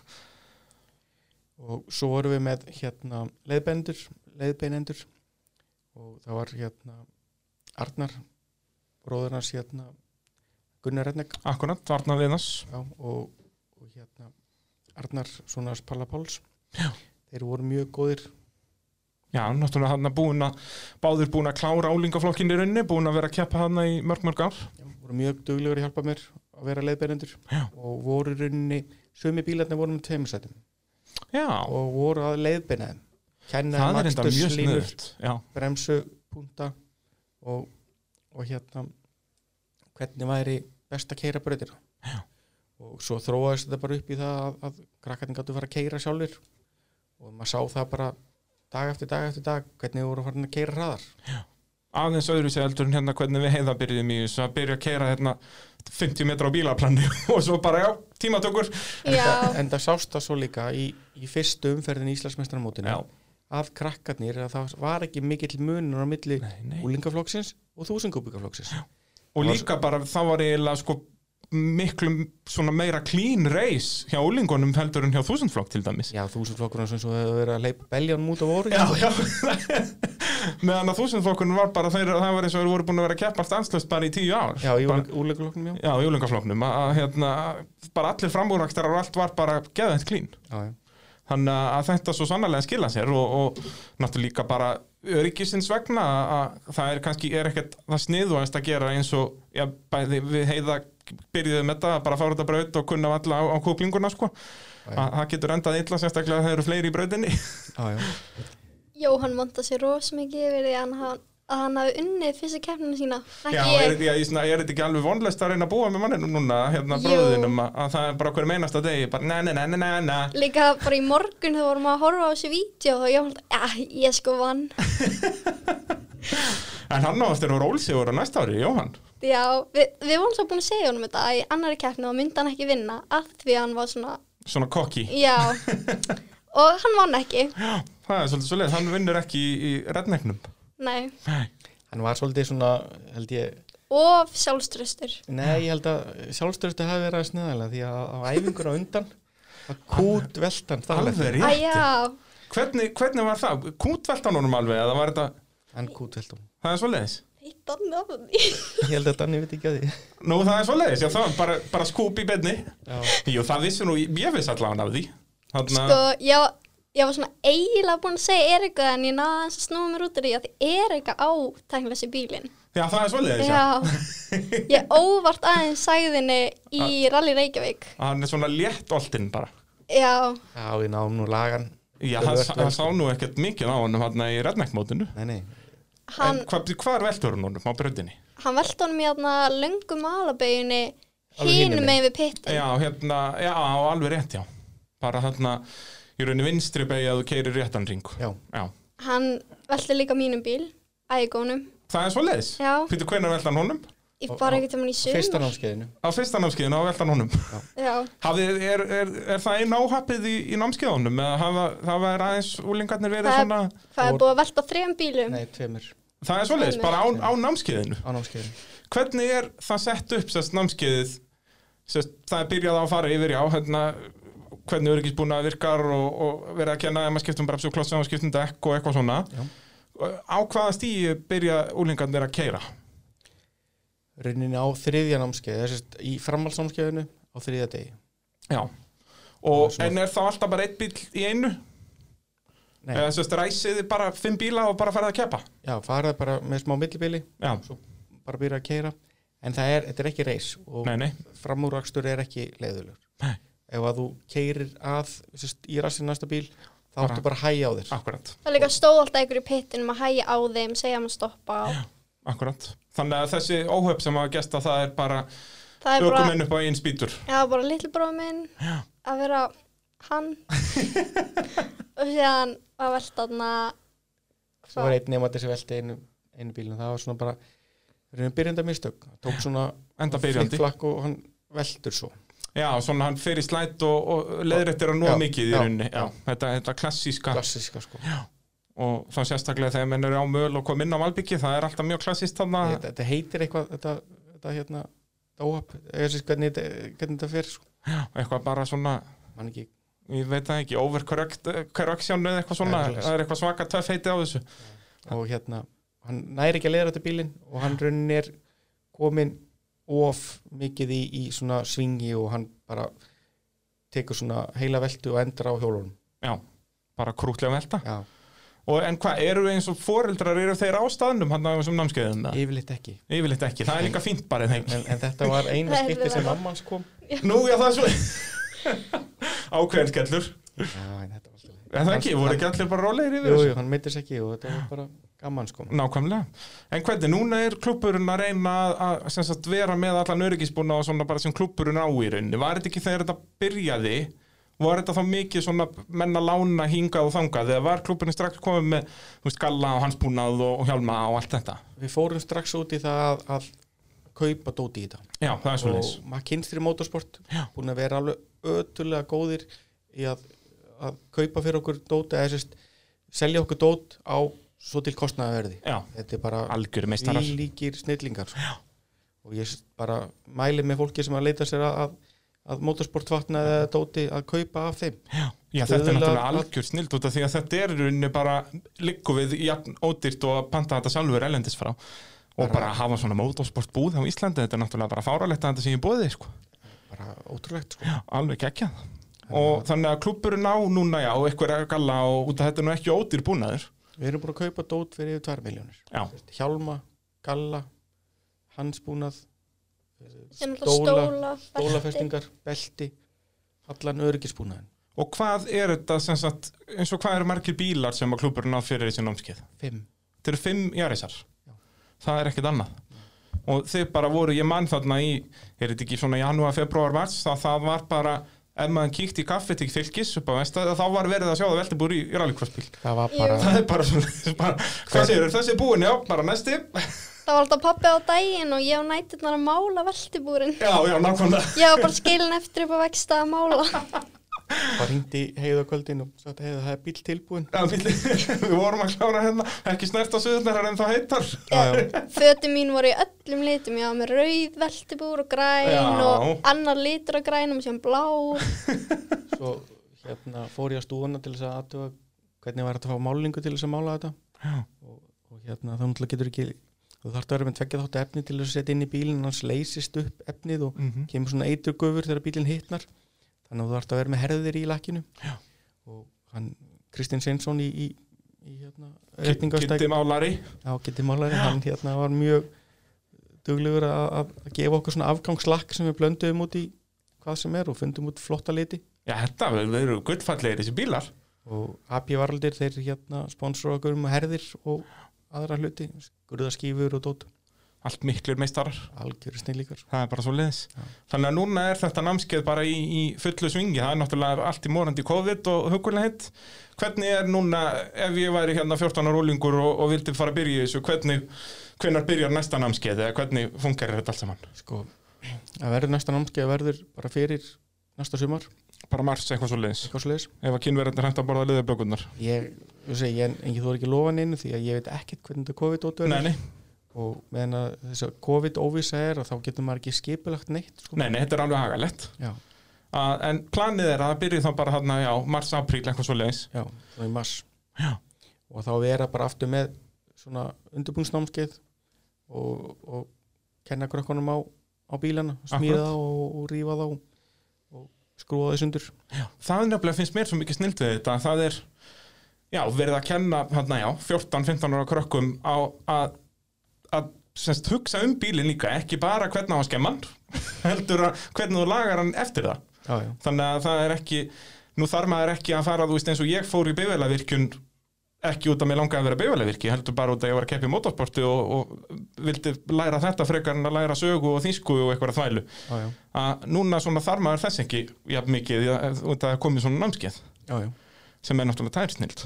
Algjör snild og já, ég þá að fara yfir skemmtilegar útlandaferðir. Við vorum aðeins að fara yfir þetta hérna áðan í, í, í síðasta hliði.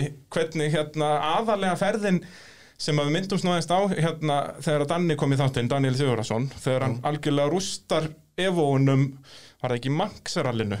á eiginu mön Já, Isle of Man rallið. Og hérna bíllinn fer allur í, í steik og, og hvað var þá planið fylgir? hann var svona létt annaður sagði Danni. Já, létt annar, það var eitthvað aðeins. smá byggla hægra megin og, og smá byggla afturbrettinu svona smá reynsbara vinstur hliðinni. Já, hann var reist bara á vinstri hliðin, já. En hann, hann átti samt enga myndir af hann Nei. Þannig að- en, en hérna Allavega ekki til að sína, það voru öruglega til eitthvað staðar. Það var löst en hérna, hann var rosalega svona niðri fyrir og fannst þetta leðilegt að, að, að hérna, geti ekki tekið þátt í næsta ralli því að breyti vildi taka sér tíu vikur í að gera við bílinn. Mér fannst það alltaf út í hött við höfum nú ruslað svona bíl af á einni nóttu. Já, já, bara í miðuralið Reykjavík Já, að já. við bara gerum þetta með nokkuð já. Og, og hérna na, mér fannst þetta nú ekki mikið mál og, og spyr hvort að ég með ekki bara tala við félaga mín og þetta ekki bara skotist þarna út og, og, og lamið til horfið. Bara redda þessu. Hann sagði nenniði því. Já það lítur öðra ég hef sambandi við Elva bróðir og Ilma Björn Þráins og spyr hvort þessi til í að fara í svona roadtrip kíkja til Breitlands og laga eitt stykki Evo. Já. og þeir heldur það nú. Ég heldur betur. Og ég kem aftur til Danna og þetta er svona, svona á miðvíkudegi og úr var það að, að, hérna, að það var keft flug út á sundeginum og, og við mætum þarna út. Og hérna kíkjum svo til, til hérna Graham hjá Quick Motorsport á, á mándeginum og byrjum að, að skoða hennan bíl. Og þessi litla begla hann hægra meginn á hotninu og þetta var bara grindabitin inn, inn, í miðan bíl. Jú, jú. Og afturbretti þetta vinstra meginn jú, jú, það var svona lítil begla á þessu bretti en það var ekkert bretti og þessi rispa þarna á vinstri hliðinni jú, jú, það var svona rispa en hliðin var úr bílum Já, sko. það var engin hlið. Var ekki hlið sko. Og náttúrulega framann að það er náttúrulega allt hotnið þarna er bara ströyjað undan Það er ekkert þarna. Þetta er bara allt í drasli sko. Það er bara svoleiðis og jú, jú, við erum ekkit, ekkit svart sínir á þetta og byrjum að, að berja þetta og, og gera og græja og, og Hilma byrjar að skrifa niður eitthvað varaldalista og úr verður að þessi varaldalisti hann breytist nú bara í eitt stykki evo Já, það ekki, ég bara Þannig að það var- Og okkur vandar í varahluti Einn Mitsubishi Lancer Evolution, takk. Já, þannig að það var úr það að, að, að það var að byrja að leita að, að bodyskel af, af Evo Já. og fannst einhver, einhver bíl upp í Skotlandi þannig að, að Grey, Greyham hann þurfti náttúrulega að lána Danna bíli sinn og bílakerfuna og, og hann og Himmi og eða, Danni og Himmi fóru til Skotlands og, og náði eitt stykki Evo bodyskel Já. ásamt einhverjum nýjum bodylutum sem að vanda mótabita og, og, og topp því að það er öðru sér toppur á Evo 8 og Evo 9 Alveg rétt. Það er áltoppur á Evo 9 af því þetta er hómulgur bíl þá þarf hann að standast alla Já, og það er mitt máli út að þetta er það er, þú veist, strangar reglur í Breitlandi en eru hér, þú veist, á Íslandi hefðu nú kannski flestir bara skipt um skél sett bara kramið í aðra skél já, en þarna náttúrulega gengur það ekki út að þessi skél er homologeruð. Já, og með svona, svona gull passport einhverju, einhverju hérna vottun sko. Já, akkurat, akkurat. Þannig að það meikar meiri sens í rauninni þó að þið kaupið aðra skél að þá í rauninni eru það bara að nota bita úr henni já, í, bara, í bíl. bara borum alla botalhutina utan að bílum og réttum og, og, og lögum þetta. Já. Og mesta vandamáli var að ná grindabitana hægra megin út. Hann var Hann svo langt inn í bíl. sko. já, Já, það var bara komið upp að kvalbak bara. Já, bara inn í kvalbak sko. Við erum með 10 tónn tjakk inn í bílum og tjakk hann út og gastæki til að hita þetta og þannig að tóa hann út. Já. og þetta háðist í restina. Meðan að breytin var inn á kaffistofu að drekka til þessi Já. og þetta er á mándegi svo eru þarna til svona 10-11 um kvöldi á mándeginum þá kemur Danni og, eða sest, förum við á, á hótelið og fáum okkur einn öl og áður en förum að sofa. Jú, jú, og svo vöknum við morgunin fáum okkur að borða og mætum þarna hjá Graham klukkan 10 þá er þeir í kaffi. Ótrúlegt en satt. Og það, ég man eftir sko glottinu á þeim og þeir að líta klukkuna og neyksla svona á okkur, hrista hausinn og hugsa greinlega með sér að við komum aldrei til með að klára þetta. Nei. Af því við ætlum áttum panta flug heim á föstudagskvöldinu. Já, það var og þetta var þriðdagsmótni og þetta var greinlega ekki að fara að gerast. Nei, þannig að við fyrir minni hotni og Elva bróðir og meðan að Danni og, og, og Himmi fara til Skotlands og ná í þessa bodyluti og þessa bodyskel já, og, og hérna erum þarna inn í hotni þegar Graham kemur til okkar klukkan fjögur eða fimm. Og, hann bara eitthvað á leiðinni heim bara. Nei, hann, þeir voru ennþá að vinna sko, Nú, en já, já. hann vildi fá að slökkva á loftpressunni því að hún var ekki búin að stoppa fyrir klukkan tíu um morgunin var svo hrættur um undir bræðurinni. Já, þannig að við settumst niður í smá stund og feng- fengum okkur kókusúkulæði og, og hérna og þá kom Danni og Himmi aftur og, feskir frá Skotlandi með nýjan bíl. Með nýjan bíl og, og þá var ráðust að það að, að, bóra botilutina af bílum sem að þeir komu með og, og máta á, á, á gamla bílinn. Mm -hmm. og við vorum þetta til nýja tíu um kvöldið. Og þannig var þetta bara dag eftir dag, dag eftir dag. 14 tíma vinnudagar bara og og á fymtu deginum þá er bílinn tilbúin í málingu Já. og Graham var búin að græja það að við fengjum bara leikt sprautust þetta er rétt hjá. Já, það er náttúrulega ekkit sprautuklefa neitt svoleiðis hann inni hjá Nei, þannig að það er að fara eitthvað annað með það. Já, fórum til, til hérna til skal ég segja átta sprautustæðum og þar var bara eigandinn fór bara inn á kaffistofu eða bara inn á skrifstofu og, og, og taldi peningana meðan við vorum að vinna fyrir þessu og þetta var bara rosalega góða dýl og, og bílinn er, er slípaður hérna grunnar og, og málaður og, og gert. Og er Við- það, þú veist, gerir þið það allt? Já, við Þið gerum það. allt. komið bara og eigið bara vestæði þarna í þennan dag sem þið eru þarna. Já, er við erum þarna á fimmtudegi og föstudegi. Já, og, og hérna við byrjum á því að, að, að hérna, mála sérst, að klára bodyið og það er grunnað á utan. Og svo málaður vélasalun og bílina innan og þetta er allt bara sem þið gerir bara. Elvar bróður gerir Já. hann er náttúrulega byrjarspils meistari Já. og er rosalega fær málari líka. Já, já, en, en sprautarinn sem á sem áttu vegstæði, hann sprautaði bílinn á utan. Já Þið takkir unni vélasal og inn í hann og, En hann málar hann auðan Já. en við slípum hann niður og gerum allt klárt og þetta er bara þetta er svona færipantsvinna sem, að- sem við gerum og svo þegar bodyskillin er, er tilbúin þá förum við með það aftur til Greyhams og ég og himmi minni mig erum þar og svo er, him, er Danni að keira dótunum bara milli eftir í hvað er tilbúið. Já, og á föstudeginum er ég og himmi að setja það saman og Elvar er ennþá á sprautvegstæðinu að, að aðstofa málarinn að mála smáhlutina. Akkurat, akkurat hurðarnar, skottið, brettið, hútið og, og toppin toppurinn er, er náttúrulega málaður sér út af því hann er náttúrulega á áli. Já, þá þarf eitthvað sér grunn og, og sér máling og það. Nei, sést, hann er ekki svoðin á því bíllinn er úr stáli. Hann er kýtaður á, þannig hann var málaður bara sér. Easy. Hann er hérna, settum hann bara á kýtuðum hann og hnóðuðum hann held ég með fjórum með sex hnóðum Já.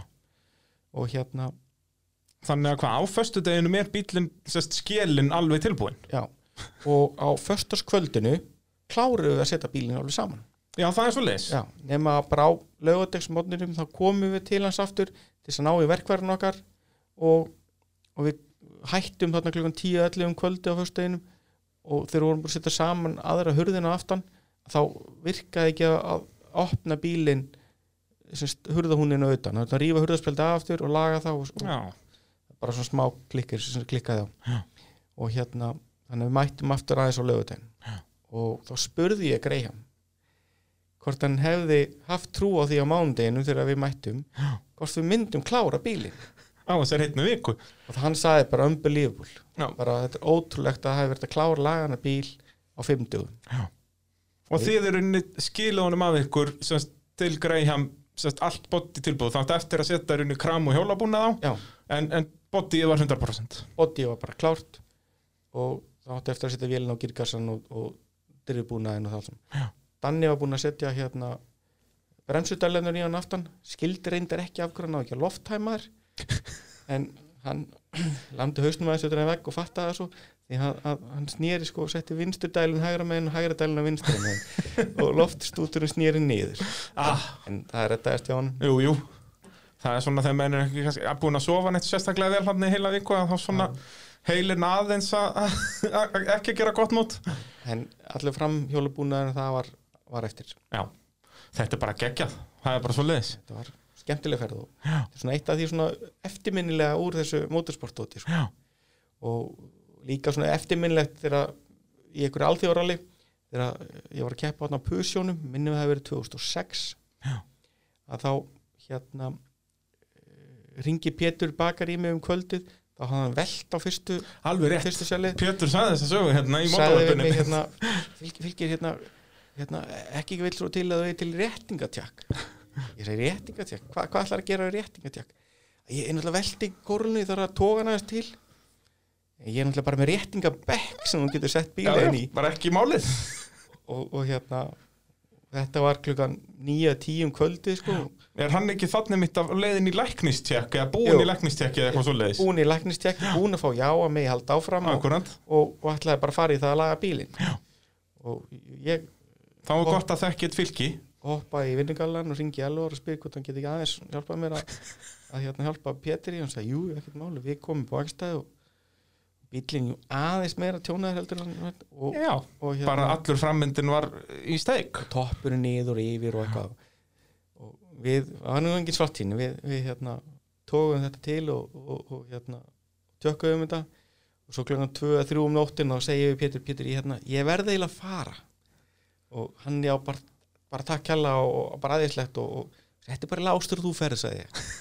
Og skildi hann eftir þarna vegstæðinu á mér og, og það voru einhverju góði kallar þarna, Hilma B. Þráins og, og, ekki. og, og hérna hann Halldór Gunnar toffari hérna, Já, rosalega mikið í kringu toffarina mamma sé að verið rosalega mikið í servisi nei, hérna í þjónustuliði í torfærinni að hann eh, hérna er þarna í hálfbónum líka það var búið að fara upp á geimslusvæði fá að helga til þess að, að, að hérna, opna geimslusvæði til þess að ná í eitthvað varabóti og það var öllu kastað til já, já, og síðan mætti hann hann mitt um morgunin bara og besta mómenti sem hann sagði mér var þegar hann kemur hann eitthvað inn í parkfermið og breski herin er allur bara þarna með höguna í golfinu bara, ha? og bara, bara beigðu sér fyrir að bara, heyrðu, þetta er, þetta er snilt. Þannig að það er svona það margar hendur vinna, vinna gott verk það er oft svo leis það er svolítið svo leiðis það er liðseldir sem skiptir máli í þessu. Algjörlega, það er, það er nákvæmlega svo leiðis og andrúmsloftið. og andrumsloftið, það hafa stemmingu. Þegar allir, öllum leiðist að þá gerist ekki mikið. Það er svolítið svoleiðis. Uh, Takk kærlega fyrir að koma í, í spjall. Já, það var ánægilegt uh, og bara, já, þanga til næst. Bless, bless. Bæ, takk